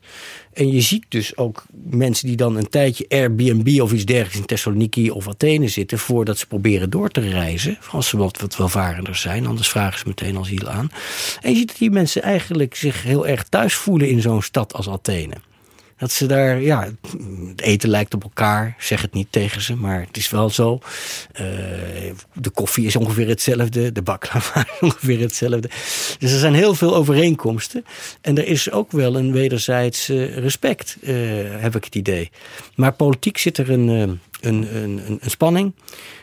Ik zie dat de regering Tsipras heel vaak outreach heeft geprobeerd te plegen naar Turkije. om in ieder geval realistisch met die spanning om te gaan.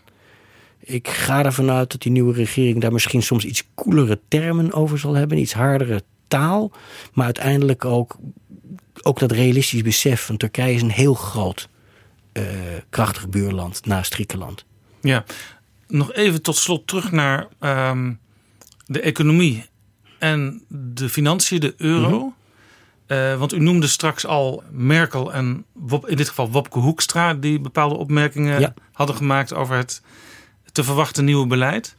Eh nou was eh, Merkel en, en Dijsselbloem... die waren natuurlijk lange tijd de kop van Jut vanuit Griekenland eh, Ja. bezien. Er werd ook gedemonstreerd met, met foto's van Merkel op eh, niet heel aangename... eh, manier Dijsselbloem. Van een snorretje voorzien. Ja. Betekende dit dat, dat, dat Nederland zo in het, zeg maar, het schootsvuur lag? Betekent dat voor u persoonlijk ook nog iets? Werd u bijvoorbeeld eh, beveiligd? Ja, nog steeds. Nog steeds. Nog steeds? Eh, ik word nog steeds. eh, ik mag tegenwoordig lopen naar mijn werk. Maar dan loopt er een beveiliger mee en er, rijdt een politieauto schuin achter me. Eh, dus in het begin toen ik daar zat, mocht ik alleen gepantserd, met gepantserd vervoer in functie verkeren. Mijn huis is aan de voorkant voorzien van kogelvrij glas. Er zijn allerlei maatregelen. Er staat permanent een politieauto bij mij voor de deur in de straat. Uh, dus je moet gewoon ook even melden van ik wil graag eventjes uh, boodschappen gaan doen of ja. een stukje fietsen of zo. Ja. Dat moet even, dan moet u even begeleiding krijgen. Ja, en dat is heel raar. Ik heb in Israël gezeten waar ik dat niet nodig had, maar daar is de dreiging collectief, zeg maar. Uh, in, in Griekenland zit je dan toch in een, Europees, in een Europese stad in Athene. En, en dat je daar dan toch beveiliging nodig hebt. Dat is, een, uh, dat is een rare gewaarwording. Maar dat heeft ook te maken met een, met, met, met een traditie van wat geradicaliseerde elementen. Je hebt een extreem rechts, maar je hebt ook een geradicaliseerd links. Uh, waar sommige wat frivolere types tussen zitten. Maar ook Rote Armee-factionachtige types. Mensen die bombrieven en dergelijke uh, versturen. En mensen die, mensen die schade willen aanrichten. En dan maakt het niet uit dat inmiddels Dijsselbloem niet meer de voorzitter van de Eurogroep is. Is alweer een tijdje geleden. Nee, ik denk dat Nederland heeft een, een, staat bekend in Griekenland om een vrij stevige lijn. Net als Duitsland in het, op het gebied van de euro. Uh, daar gaan we ook geen zoete broodjes over bakken. Dat doe ik ook niet. Uh, die stevige lijn draag ik ook uit. Vaak achter de schermen, soms als het moet ook voor de schermen. Uh, die stevige lijn komt ook tot uiting in bijvoorbeeld onze minister, huidige minister van Financiën, Wopke Hoekstra. Die meteen nu al heeft gezegd, wacht even, Griekenland moet zich wel aan die gemaakte afspraken houden. Dat komt in alle Griekse kranten. Uh, wil je je frustratie als Griek daarover uiten, dan is de Nederlandse ambassadeur natuurlijk een symbool. Het gaat niet om mij persoonlijk, maar het is een symbool. En uh, zou je die misschien wel wel eens, uh, misschien niet alleen een ei, maar ook een kogel naar het hoofd willen schieten, bij wijze van spreken. En om dat betreft het zeker voor het onzekere te nemen, heb ik inderdaad die beveiliging. Ja, en dat is kennelijk nog steeds nodig. Ja, en het ja. zou kunnen. Eigenlijk moeten we natuurlijk niet te veel over zo'n onderwerp praten, maar dat u opvolger straks, uh, mevrouw Stella Ronner, ook weer die beveiliging krijgt, omdat het nu eenmaal Nederland is. Wat op een bepaalde manier bekeken wordt vanuit de flanken van Griekenland. Ja, ja en, en zelfs als mijn opvolger Mickey Mouse of Donald Duck zou zijn, bij wijze van spreken, zou die die beveiliging verdienen. Want het gaat niet om mij persoonlijk, het gaat ook niet om mijn gezin. Het gaat puur om de functionaris van de ambassadeur die, uh, die men beschermt. Als een symbool van, van Nederland. En dat is, uh, dat is helaas kennelijk uh, nog steeds nodig. Ik heb in praktijk me nooit onveilig gevoeld. Terwijl ik één keer heb gehad op het groot centrale plein van Athene, het Syntagmaplein, dat een beveiliger zijn pistool trok. En dat ik het volstrekt rationeel vond dat hij dat op dat moment deed. Er stond een hele groep jongeren met hoodies over hun oren. Uh, en stond daar wat en er was een demonstratie in de buurt. Ik vond het volstrekt rationeel dat hij het deed, maar ik heb me nooit bedreigd gevoeld, laat ik het zo zeggen. En u kwam daar toen veilig weg? Ja, ja, ze doen dat heel netjes. Dit zal u dus niet missen als u straks weg bent uit Athene. Wat gaat u wel missen als u uit Griekenland uh, vertrokken bent? Nee, ik zal het niet missen, want je moet inderdaad al je vervoersbewegingen moet je coördineren. Dus als je eens een keertje wat later of wat eerder klaar bent van je werk, moet je weer gaan bellen met mensen die jou moeten opwachten en dergelijke. Dat is, ja, oké, dat is een klein offer dat je brengt, maar dat hoort bij het werk ook wat een diplomaat wel eens meemaakt. Wat ik wel zal missen is, is natuurlijk, ja, het blijft een prachtig land. Het blijft een land met, met, met prachtige landschappen, fantastisch eten, uh, buitengewoon charmante mensen die vaak ook hun talen spreken. Sociaal contact is vrij makkelijk in Griekenland. Tegelijkertijd, voor al die mensen die op vakantie gaan en het heerlijk vinden in Griekenland, het is voor iemand in mijn positie uh, afgelopen jaren niet altijd makkelijk werken geweest. Het werken met die Griekse overheid, die vaak zo gammel blijkt. Waar hele goede mensen tussen zitten hoor. Het zijn echt uh, pockets of excellence, zeg maar. Hele goede mensen en soms ook goed functionerende instellingen. Maar heel veel overheidsdiensten die slecht functioneren, niet vooruit te branden zijn. Um, uh, waar nog heel veel onderliggende zwakheden zitten. Uh, zwakke overheid, zeer trage rechterlijke macht, onderwijssysteem wat niet goed is aangesloten op de arbeidsmarkt, productmarkten die gekarteliseerd zijn. Heel veel van die dingen moeten nog verbeteren. Daar hebben we Nederlands belang bij om eraan te sleuren en te werken en te duwen. En dat gaat niet altijd snel en niet altijd makkelijk. Dus uh, ja, dat, dat, is, uh, dat, dat zijn dingen die ik, uh, die ik niet zal missen. Wat dat betreft ben ik blij als ik weer in Nederland, in Den Haag ben en ik zie dat alles vrij goed functioneert. En we zouden dat ook mogen koesteren. Het, het feit dat wij, een, zeg ik als ambtenaar, geheel bevooroordeeld, dat wij een vrij goed functionerende overheid hebben. U weet op dit moment nog niet wat uw volgende uh, functie zal zijn. Het, het zou kunnen dat dat gewoon op het ministerie in Den Haag is. Want u zat eerst uh, vier jaar in Israël, nu vier jaar uh, in Griekenland. Dan ligt het in de lijn de logica dat ik wel weer terugkom. En het is denk ik ook goed, want je moet je band met Nederland wel houden. Dat kan tegenwoordig via internet en zo een stuk makkelijker dan het vroeger was natuurlijk. Ik, eh, s'morgens eh, zet ik Nederlandse radio aan. eh, ik, volg van alles wat er in Nederland gebeurt op de, op de voet. Dat gaat een stuk makkelijker dan eh, maar twintig jaar geleden. Maar er zijn soms kleine dingen in het dagelijks leven waar je, die je net mist. Of die net anders zijn. Ik stond eh, pas in de lift op een ministerie in, eh, in Den Haag. En daar zeiden twee mensen tegen elkaar... Goh, wat ben je aan het doen? Ja, we zijn druk bezig thuis. We zijn ons huis aan het verduurzamen. Nou, dat is een opmerking die hoor ik in Griekenland niet zo Dat gauw. woord Twee kennen mensen- ze daar nog niet. Nee, dat, dat, daar liggen ze nog in achter bijvoorbeeld. Dus Ja. dat kennen ze nog niet. Ja. Dat hoor ik mensen niet tegen elkaar zeggen. En vaak is het dagelijks leven ook een optelsom van dat soort dingen die je toevallig hoort, dat soort indrukken.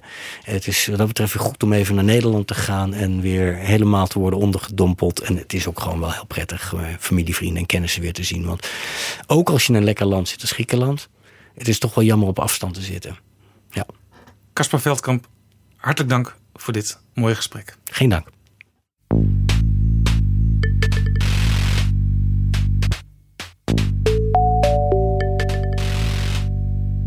Dit is Jaap Jansen met Betrouwbare Bronnen.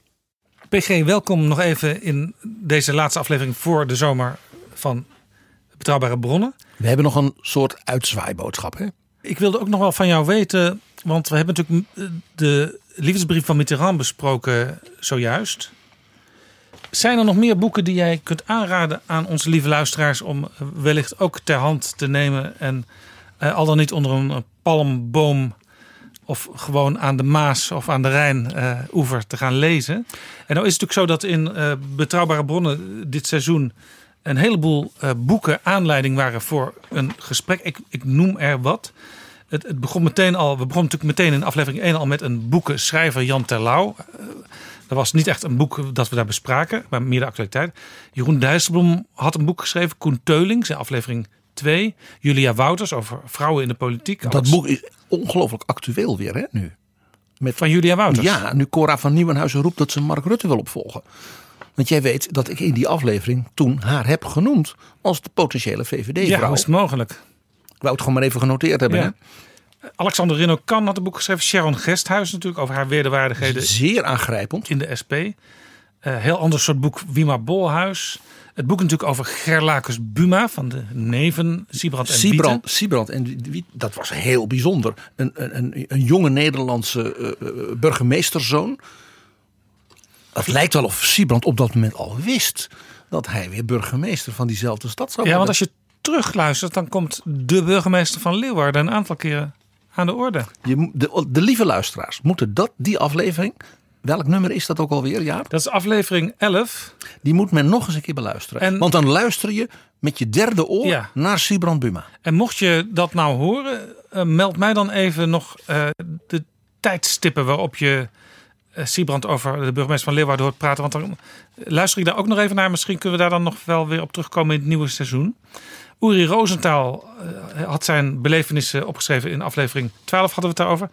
Paul Tang is langs geweest, aflevering 14. En Applebaum niet te vergeten natuurlijk, die een heleboel boeken heeft geschreven. De, de absolute nummer één public intellectual eh, op het gebied van internationale politiek. En zeker als het gaat over Rusland eh, van Amerika. Jascha Munk hebben we eh, op bezoek gehad. Ties Dams natuurlijk over, Over de China. keizer, China. Ja. Kim Putters, Rob de Wijk. Andrew Roberts niet te vergeten, samen met Felix Klos over Churchill. Die prachtige verhalen van Andrew over Churchill's zijn leven. eh, ook de tragiek van dat zijn vader en moeder niet van elkaar hielden en ook niet van hem. En dat hij zijn hele leven snakte naar die liefde van die ouders. Dat was een element, oh dat vond ik echt aangrijpend. Frits Bolkestein, die natuurlijk eh, niet ophoudt met boeken schrijven. Hoewel hij nu min of meer beloofd heeft dat het zijn laatste boek eh, was wat hij gepubliceerd heeft. Dan komt er nog wel een. Lodewijk Asscher heeft ook een boek geschreven. Chris Alberts natuurlijk. eh, Elko Brinkman. Bijzondere memoires. Veel, ook behoorlijk veel reacties op. En Michael Wolff in aflevering 44, de vorige, over president Trump. Dus met andere woorden, eh, mocht je het gesprek nog niet gehoord hebben, beluister dat gesprek eerst. En lees dan wellicht ook nog het boek eh, wat erbij hoort. Maar dat is niet alles, hè, PG? Je hebt er toch nog een paar aan toe te voegen. Ook nieuwe dingen. Die zeg maar net verschenen zijn, dat je zegt van neem die mee en ga genieten. Allereerst een heel bijzonder bruggetje met het verhaal van vorige week, 4 juli, Independence Day, over Franklin Delano Roosevelt.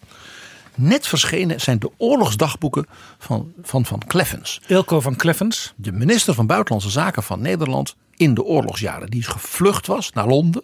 En al die jaren een zeer trouw en, en, en toegewijd uh, man. Uh, dus Nederland, het bezette Nederland, vertegenwoordigde bij de geallieerden.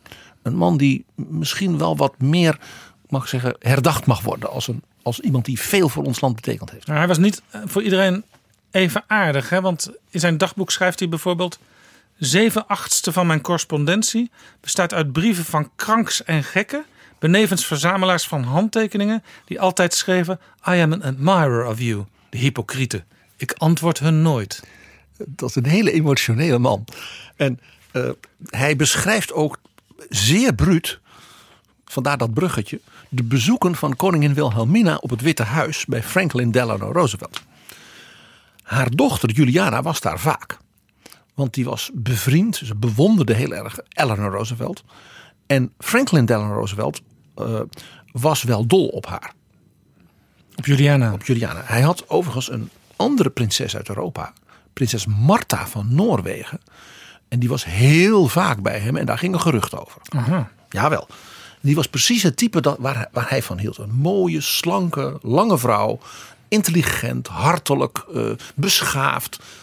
Ja, was prinses Martha. Prinses Martha was een begrip in Washington. En ze was getrouwd met de kroonprins. En ze hadden kindertjes en dan mocht ze altijd komen. Maar goed, Juliana kwam daar dus ook regelmatig. Ja, maar die kwam meer voor Eleanor, zal ik maar zeggen, dan voor ja. Franklin. Maar ja, als staatshoofd werd Wilhelmina natuurlijk met enorme eer ontvangen. En ja, Franklin Delano Roosevelt was een Dutchman.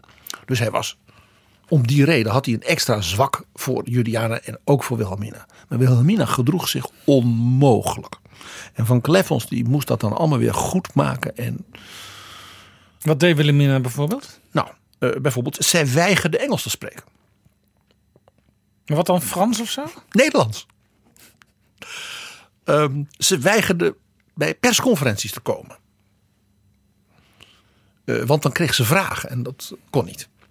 Uh, en het allerergste, ik heb in het verhaal verteld dat een van Roosevelts merkwaardige eigenschappen was zijn cocktails die hij voor zijn staf en zijn medewerkers aan het eind van de middag maakte.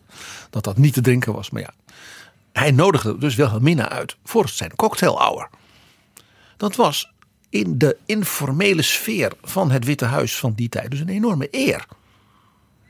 Dat was voor zijn favoriete stafmedewerkers, secretaresses, hè, mooie lange. Dus Wilhelmina werd ook geacht om mee te drinken? Ja.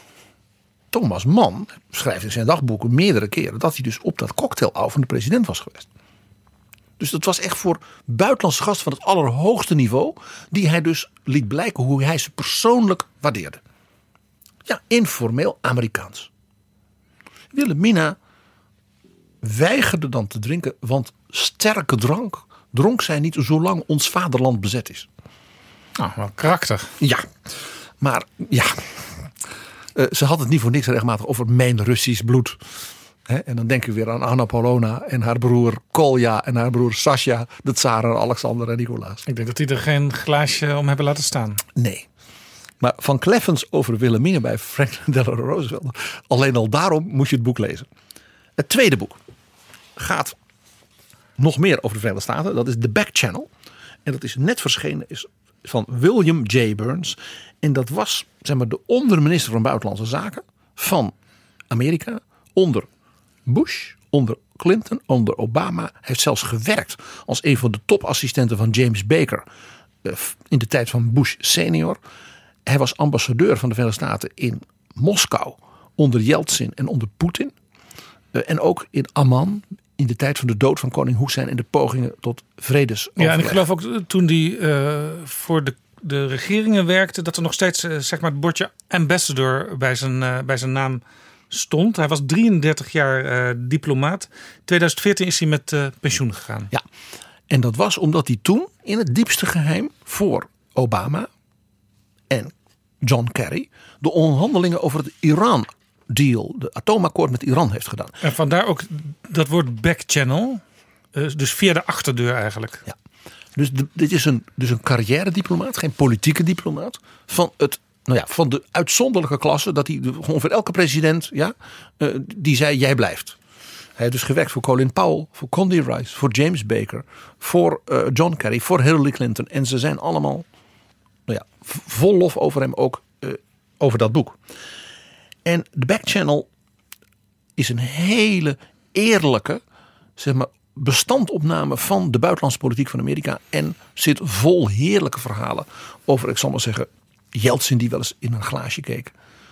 Over Poetin zijn manier van hoe hij mensen ontregelt. Eh, over het Midden-Oosten. Over ja, de merkwaardige karakters in de Amerikaanse politiek.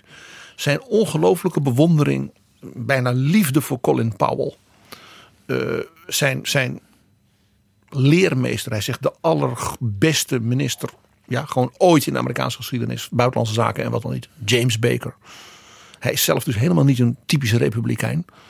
Eh, want hij heeft ook heel goed met Obama samengewerkt. Zeer goed met Hillary Clinton. Maar hij zegt James Baker is gewoon de gold standard. Ja, dat gebeurt trouwens vaker in de, in de buitenland elite. Hè? Eh, ministers van Defensie, eh, mensen die op buitenlandse zaken werken in Amerika. die zijn soms ook gewoon van de andere partij. Of die gaan nog een tijdje door als er weer een nieuwe president is. Ja, Bob Gates, die van Bush junior daarna bleef bij Obama. En dus bij Obama nog meemaakte en stuurde de, de, de, dood van Bin Laden. Wat natuurlijk voor de familie Bush iets heel bijzonders was. Dat een van hun vertrouwelingen als minister van Defensie daar eigenlijk verantwoordelijk voor was. Ja, en ik hoorde William Burns een keer over ehm, zijn gesprekken, zijn onderhandelingen met eh, Iran eh, vertellen. The Iranians are very skilled negotiators, very tough. So you have to know when to walk away at times. And we certainly did. Hij beschrijft heel gedetailleerd ook dus de onderhandelingstactieken. Hoe doe je dat? Eh, bij het boek zitten iets van zeven, acht grote memoranda die hij schreef voor bijvoorbeeld Condi Rice, voor Hillary Clinton, voor Obama. Die zijn dus gedeclassificeerd, zoals dat heet, door de geheime dienst. Kleine zwarte dingetjes. Zodat de lezer, dat hij gewoon leest, wat schreef ik nou aan eh, Condi Rice over dit gaat fout met Poetin. Kortom, je zit op de voorste rij bij een hele serie presidenten, bij historische momenten. En je, je zit ook mee te onderhandelen bijna als Ja. lezer. En ehm, wij lezen natuurlijk vaak in de krant dat een ambassadeur op het matje wordt geroepen bij een, een minister. Ehm, dat is gewoon een soort standaard term en dat klinkt oh, oh, oh, maar het is eigenlijk, ja, het gebeurt vaker natuurlijk. Eh, maar wat we minder vaak zien en horen is hoe er inderdaad via een backchannel onderhandeld wordt. Dat, dat grote voorbeeld waar Burns bij betrokken was, die nucleaire deal eh, met Iran, heeft natuurlijk ook hele belangrijke voorgangers gehad. Hè. Denk maar aan de, de Cuban Missile Crisis, toen Kissinger. bijna oorlog. Kissinger met Mao. En ehm, Nixon ook weer met eh, de Russen. Zeker. Allemaal voorbeelden van hoe belangrijk eh, het werk van diplomaten is. vooral ook achter de schermen. En dat dus zulke mensen kunnen scoren, zoals Kissinger, zoals James Baker, zoals William Burns, als ze dus heel veel gevoel hebben voor de geschiedenis, de cultuur, de eigenaardigheden, de taal, de kunst ja, van de landen waar je over praat. Je kunt niet met een man als Yeltsin onderhandelen als je niet begrijpt hoe een Rus leeft en denkt. En dat je dus pas na de tweede fles wodka moet beginnen te sluiten. De closing te doen. Niet na de eerste. Nee, altijd afwachten. Ja, en het goede moment weten te vinden. Wanneer Poetin bezig is je te ontregelen, hoe je daarmee omgaat. Hij beschrijft bijvoorbeeld dat Condoleezza Rice, als ze in Moskou was, dat Poetin altijd probeerde haar als zwarte vrouw een beetje net even te, ver- te verrassen met dingen. Zij had, zei die, een geweldig wapen. She never wore higher heels dan wanneer ze in Moskou was. En dan had ze bijna een soort catsuit aan van een moderne Amerikaanse couturier.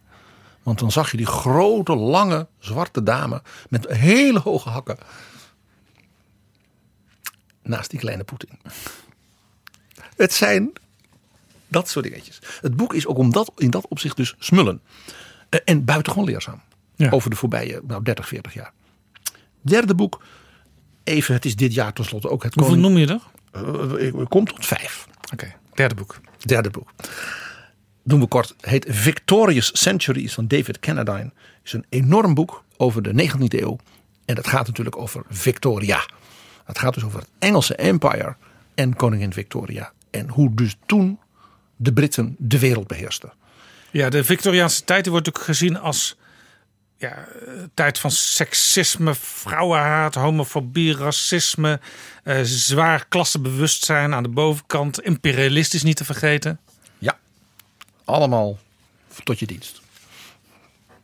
Kijk met de bril van nu naar, hè? dat begrijp je. Nee, dat is absoluut een, een, een bepaalde bril van u. Uh, maar, maar goed, uh, dit is een boek dat je natuurlijk moet lezen als je Brexit wil snappen. Namelijk hoe diep in dus de Britse psyche dat gedachtegoed zit van eigenlijk moeten wij de regering zijn van de wereld. Dat zit er natuurlijk onder. Ja, de wereld was ooit van ons en uh, een klein beetje daarvan moet terugkomen. Nee, dat zit gewoon in ze. Zoals, wat we hadden het er eerder over. In Frankrijk zit la grande nation. Natuurlijk. En in Nederland zitten de dominee en de koopman. Die voortdurend om voorrang strijden. Veelal wint de koopman. Vierde boek. De naam is in betrouwbare bronnen al een keer eerder gevallen.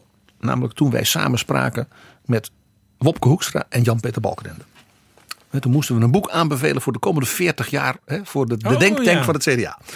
En toen zei ik, professor Jurgen Osterhammel, het favoriete vakantieboek van mevrouw Merkel. Want het was maar 1200 bladzijden. De man heeft een nieuw boek uiteraard. Maar 900 bladzijden, het wordt dus minder hè. En weer een onderwerp dat je denkt, oh wat geweldig dat je zoiets bedenkt. Het boek heet in het Duits Die Entzauberung Aziens. Het is meteen in het Engels vertaald. Hij is dus een bestseller. Hè? Zo beroemd is die man met die ongelofelijke boeken. Unfabling the East. Dus de onttovering van het Oosten. En het gaat over de 18e eeuw.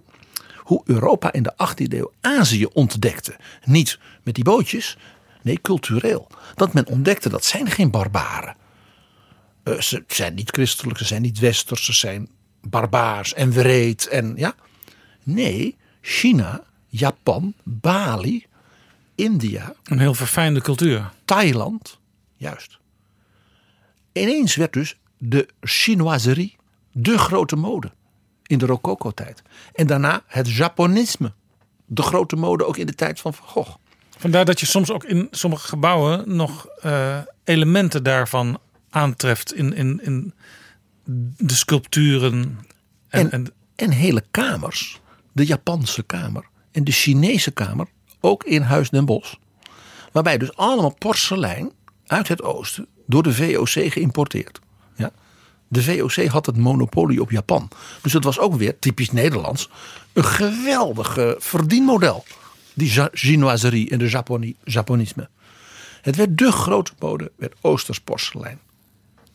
En Oosterse kleding, Oosterse stoffen, Oosterse gedichten.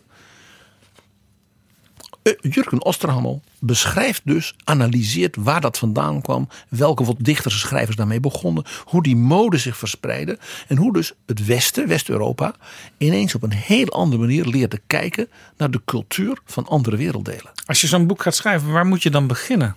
Eh, dat, ja, dat, boek, dat boek over de 19e eeuw begint in 2006, weet je nog?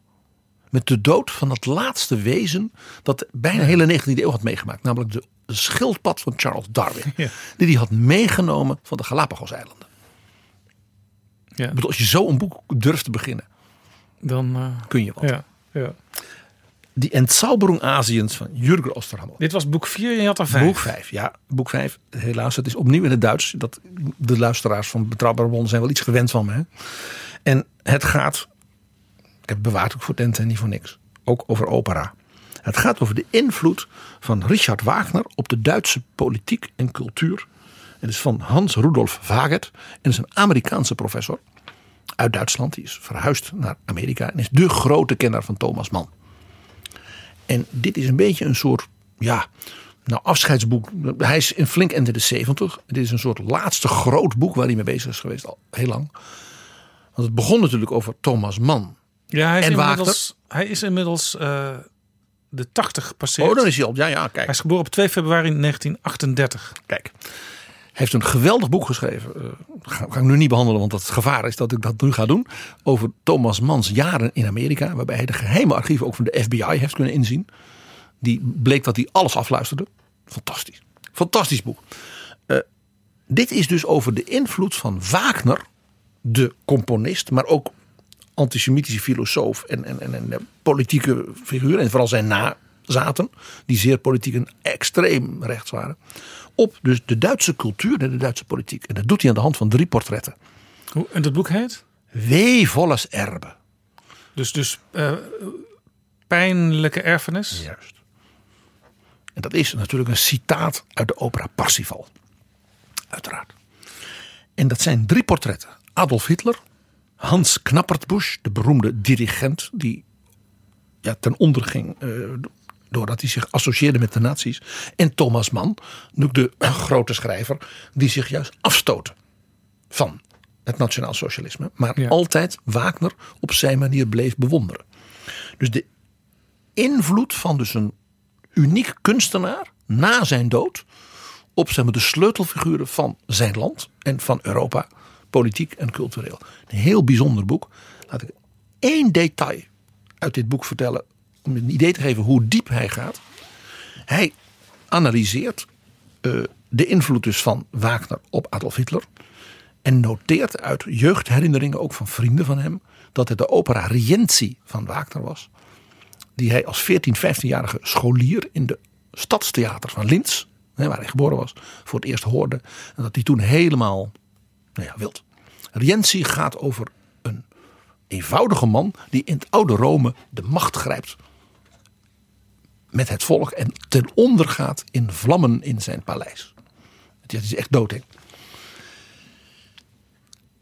De partituur van deze opera heeft Wagner geschonken aan koning Lodewijk II, zijn grote mecenas van Beieren.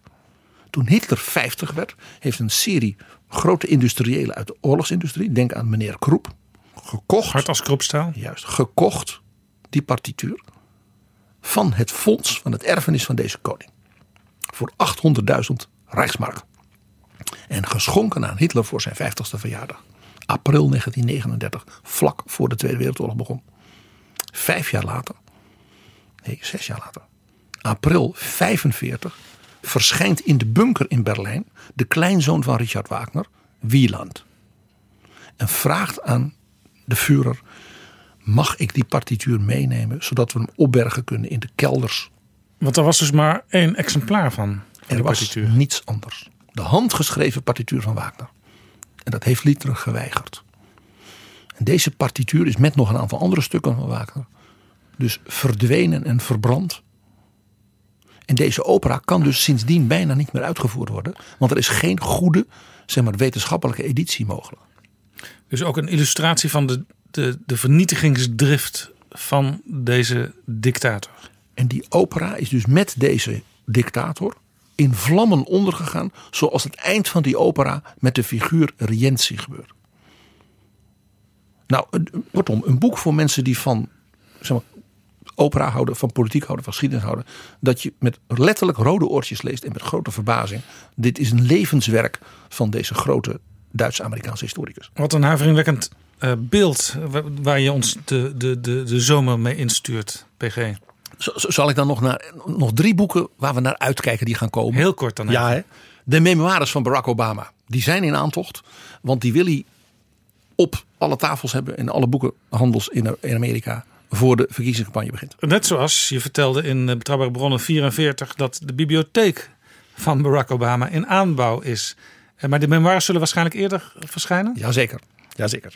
Eerst Michel natuurlijk. Dat is de best verkochte politieke memoires in de geschiedenis. Ja, zij treedt ook op. eh, onder andere is ze in de, de hoe heet het ook weer, Ziggo Dome geweest. En eh, eigenlijk vertelt ze altijd ongeveer hetzelfde verhaal, maar het zit vol en iedereen is enthousiast. Ja, maar het boek is dus ongelooflijk goed verkocht. Dan komen we, daar, dus- daar verheug ik mij zeer op. Want ik hoorde het van uitgever in Amsterdam dat men ermee bezig is. En daar gaan wij een speciale editie aan wijden, Jaap, van Betrouwbare Bronnen. De dagboeken van Johan van Oldenbarneveld in zijn dodencel. Daar heb ik geen bezwaar tegen om daar een, eh, een, een goede aflevering aan te gaan wijden.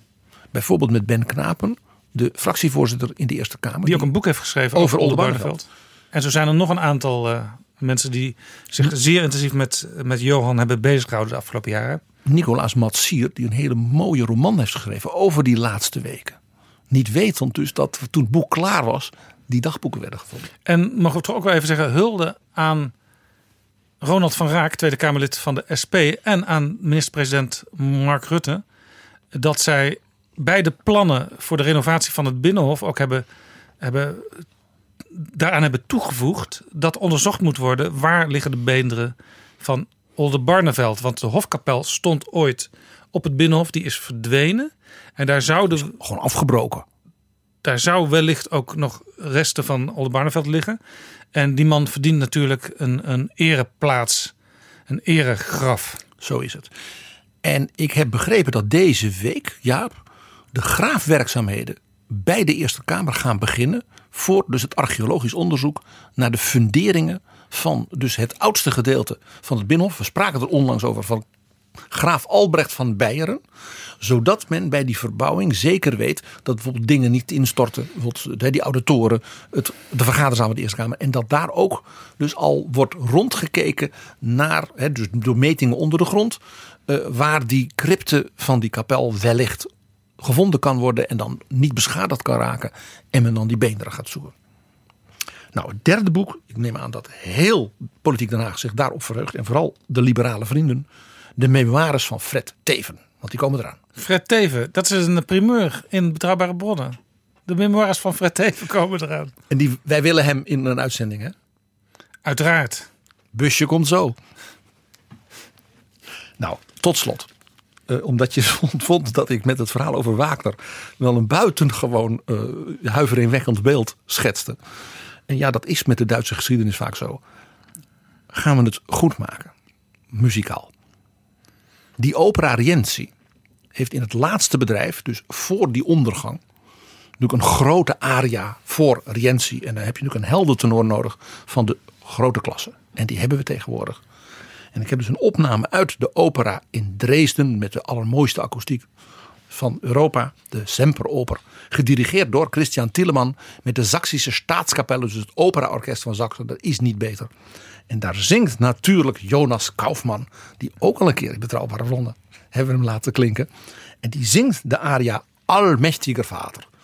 Een bid, dus het gebed van Rienzi tot God voor het moment van zijn ondergang. Je weet er toch weer een gebed eh, in te krijgen. In aflevering 44 was het ook al FDR die prachtig uh, de soldaten eigenlijk moed in sprak via.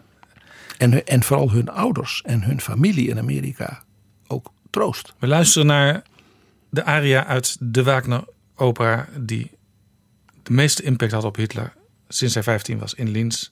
Rienzi. Oh bitte nicht das Werk,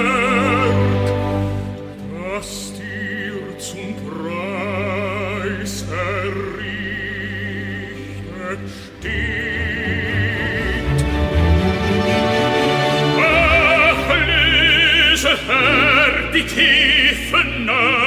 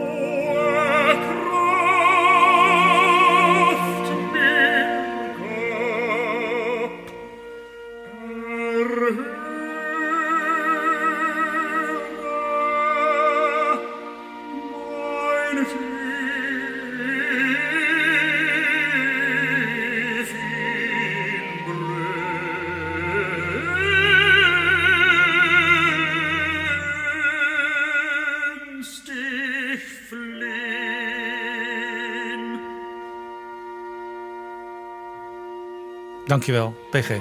Graag gedaan, Jaap.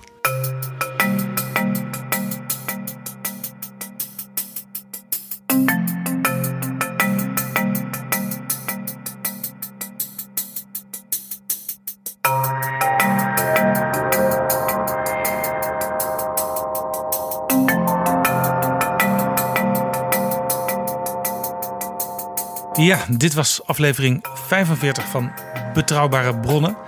Eh, ik had bedacht, eh, voordat we met de serie begonnen, om zo'n 40 afleveringen per jaar te maken. Het zijn er dus 45 geworden, omdat we gewoon een paar recessen hebben doorgewerkt. We gaan natuurlijk door. In de laatste week van eh, augustus komt de eerste aflevering van het nieuwe seizoen. En ik denk eigenlijk dat we gewoon door gaan tellen. Het was nu 45, dus dat wordt 46. Vind ik eigenlijk wel mooi om gewoon eindeloos door te tellen. Ik weet niet wat jij ervan vindt, PG. Ja, ik ben van meer de, de indeling. Dus ik zou dan zeggen, dan, dan is dat dus eh, Seizoen 2.1. 2, aflevering 1. Ja. We gaan erover nadenken. Ik, ik zie jou met mij al eh, af, aflevering 3044. Daar komt het natuurlijk van ooit. Hè? Ja. De arme luisteraars. Ja. Eh, ik wil nog speciaal de luisteraars bedanken. Die betrouwbare bronnen eh, alleen al mogelijk maken door in grote getalen eh, te luisteren. We hebben nu elke week eh, ruim 20.000 luisteraars, soms zelfs eh 25.000 of bij Dijkhoff onlangs 28.000. Eh, dus het wordt alleen maar mooier. De editie die we hebben gemaakt ter herinnering aan Max van Wezel, die heeft heel lang, terwijl het de langste ooit was, denk ik, en ook wel zal zijn, de meeste luisteraars van allemaal Ja, getrokken. en daarvoor een vergelijkbare editie die opgedragen was aan Wim Kok. Die was ook heel lang de best beluisterde. Dat vind ik heel erg mooi. Dus ik wil onze luisteraars, die zelfs tot deze week nog in honderden getallen het verhaal van en over eh, Max hebben beluisterd, daarvoor extra bedanken. Ja.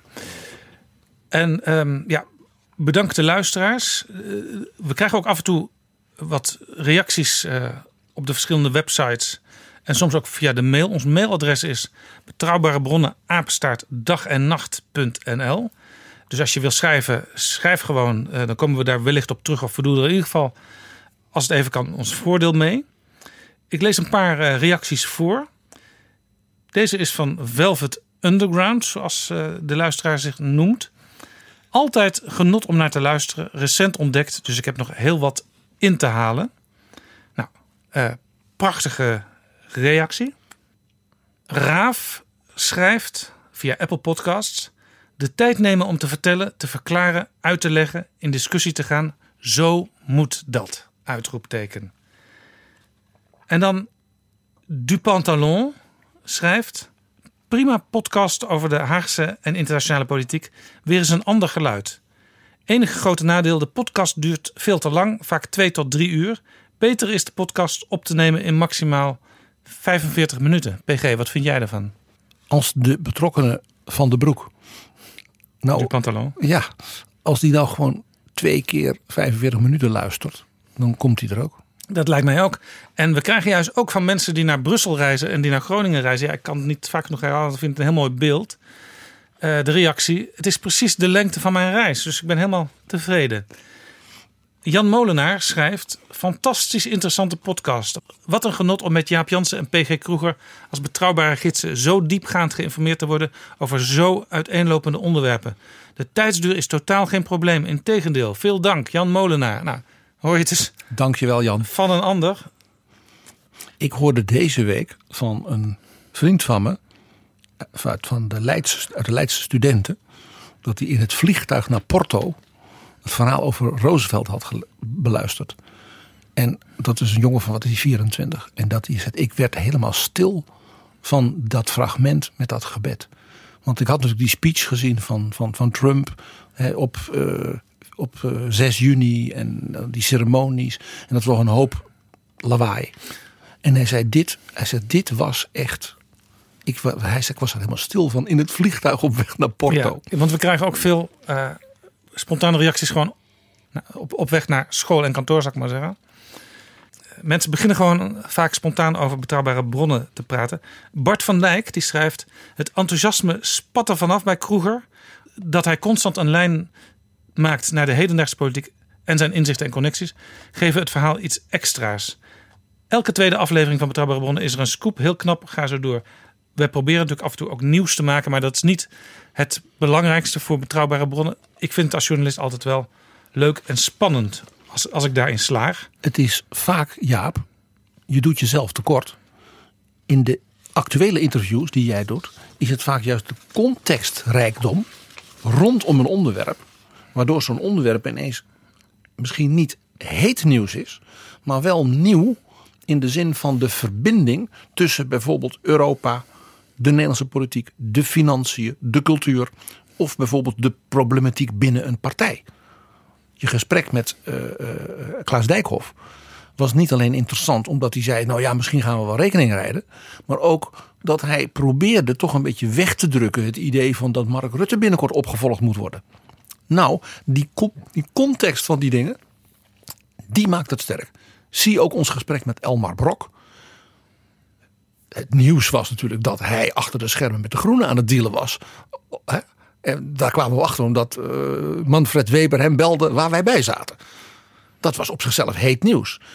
Maar de context van zeg maar, de, de politieke ervaring en wijsheid en, en ook bescheidenheid van Elmar Brok.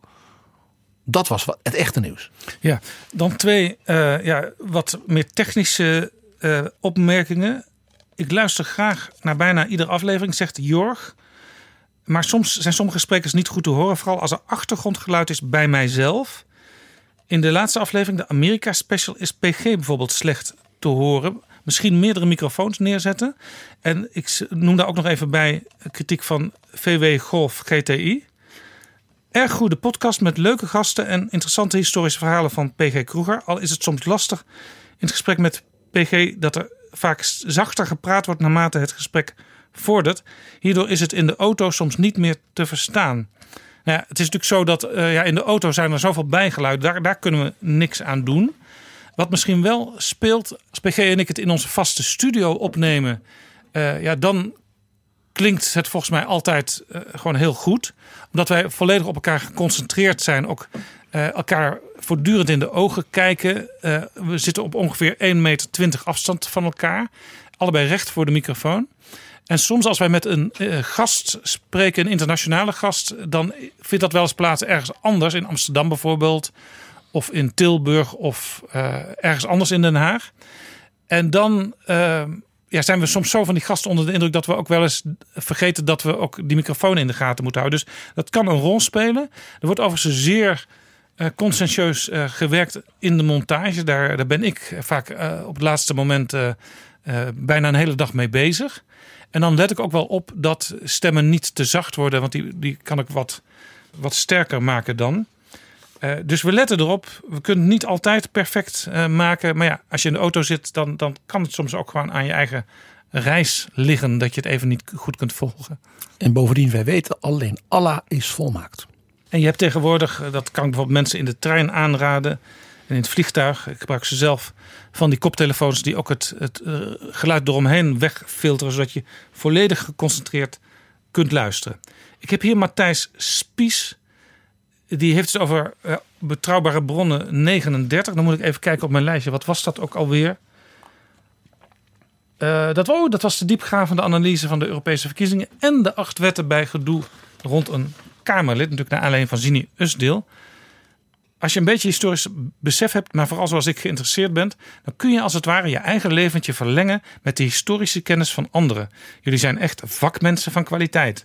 De interviews en jullie onderlinge samenwerking getuigt van een diep respect voor de mens en zijn of haar onderwerp. Ik kijk met veel belangstelling uit naar nummer 10. Nummer 10 uh, moet Matthijs dus blijkbaar nog beluisteren. Dat is van Bram van Ooyek over de relatie met China. PG over de eethuisjes van Mark Rutte. En het gesprek met Seth Berkeley over het wereldwijd inenten. En hij zegt ook, Matthijs Spies... Ondertussen heb ik in persoonlijke gesprekken mijn enthousiasme met anderen gedeeld. Nou ja, dat is natuurlijk wat wij heel graag horen. Hoort, zegt het voort, spread the word. Ik hoorde heel onlangs, vorig weekend, van een oud-minister... die persoonlijk uh, als collega het Europarlement zeer bevriend is met Elmar Brok.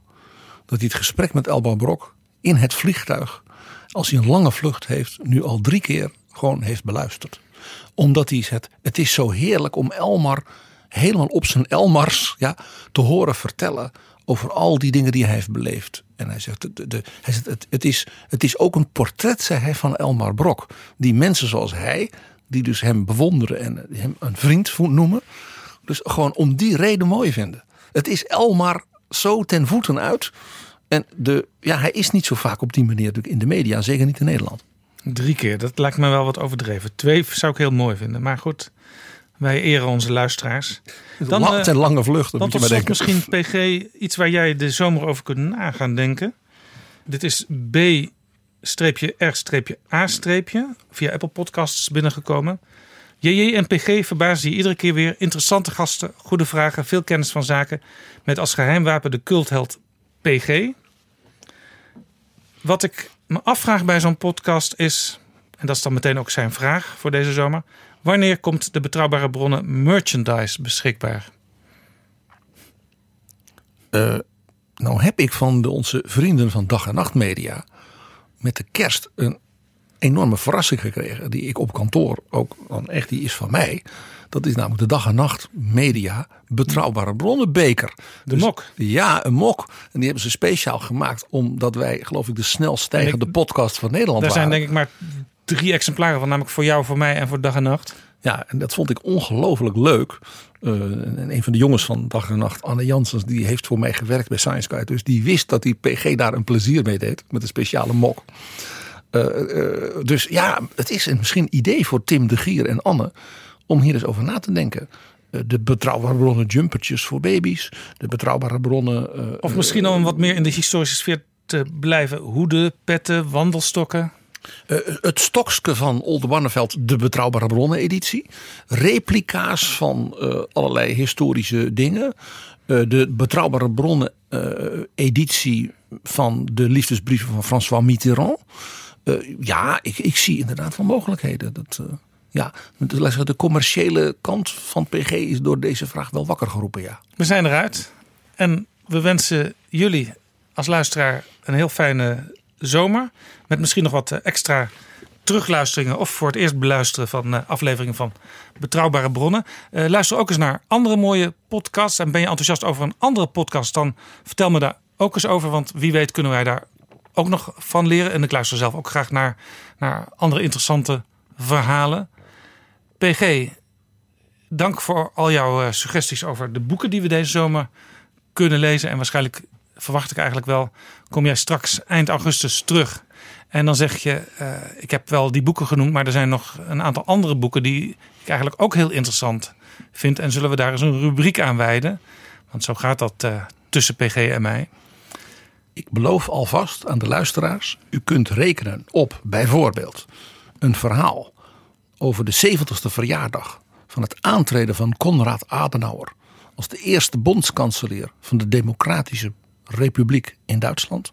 Een uniek moment in de geschiedenis. PG, ik was aan het afsluiten. Ja, ik ga het hebben over 70 jaar Mao die de baas wordt in China. En we gaan het natuurlijk hebben over 30 jaar val van de muur. En nog veel meer. En nu stoppen we, want het is tijd om te gaan zwemmen of andere dingen te gaan doen. PG, dankjewel voor dit prachtige eerste seizoen van Betrouwbare Bronnen. En dat er nog vele mogen volgen. Goede zomer. Betrouwbare bronnen wordt gemaakt door Jaap Jansen in samenwerking met dag en nacht.nl.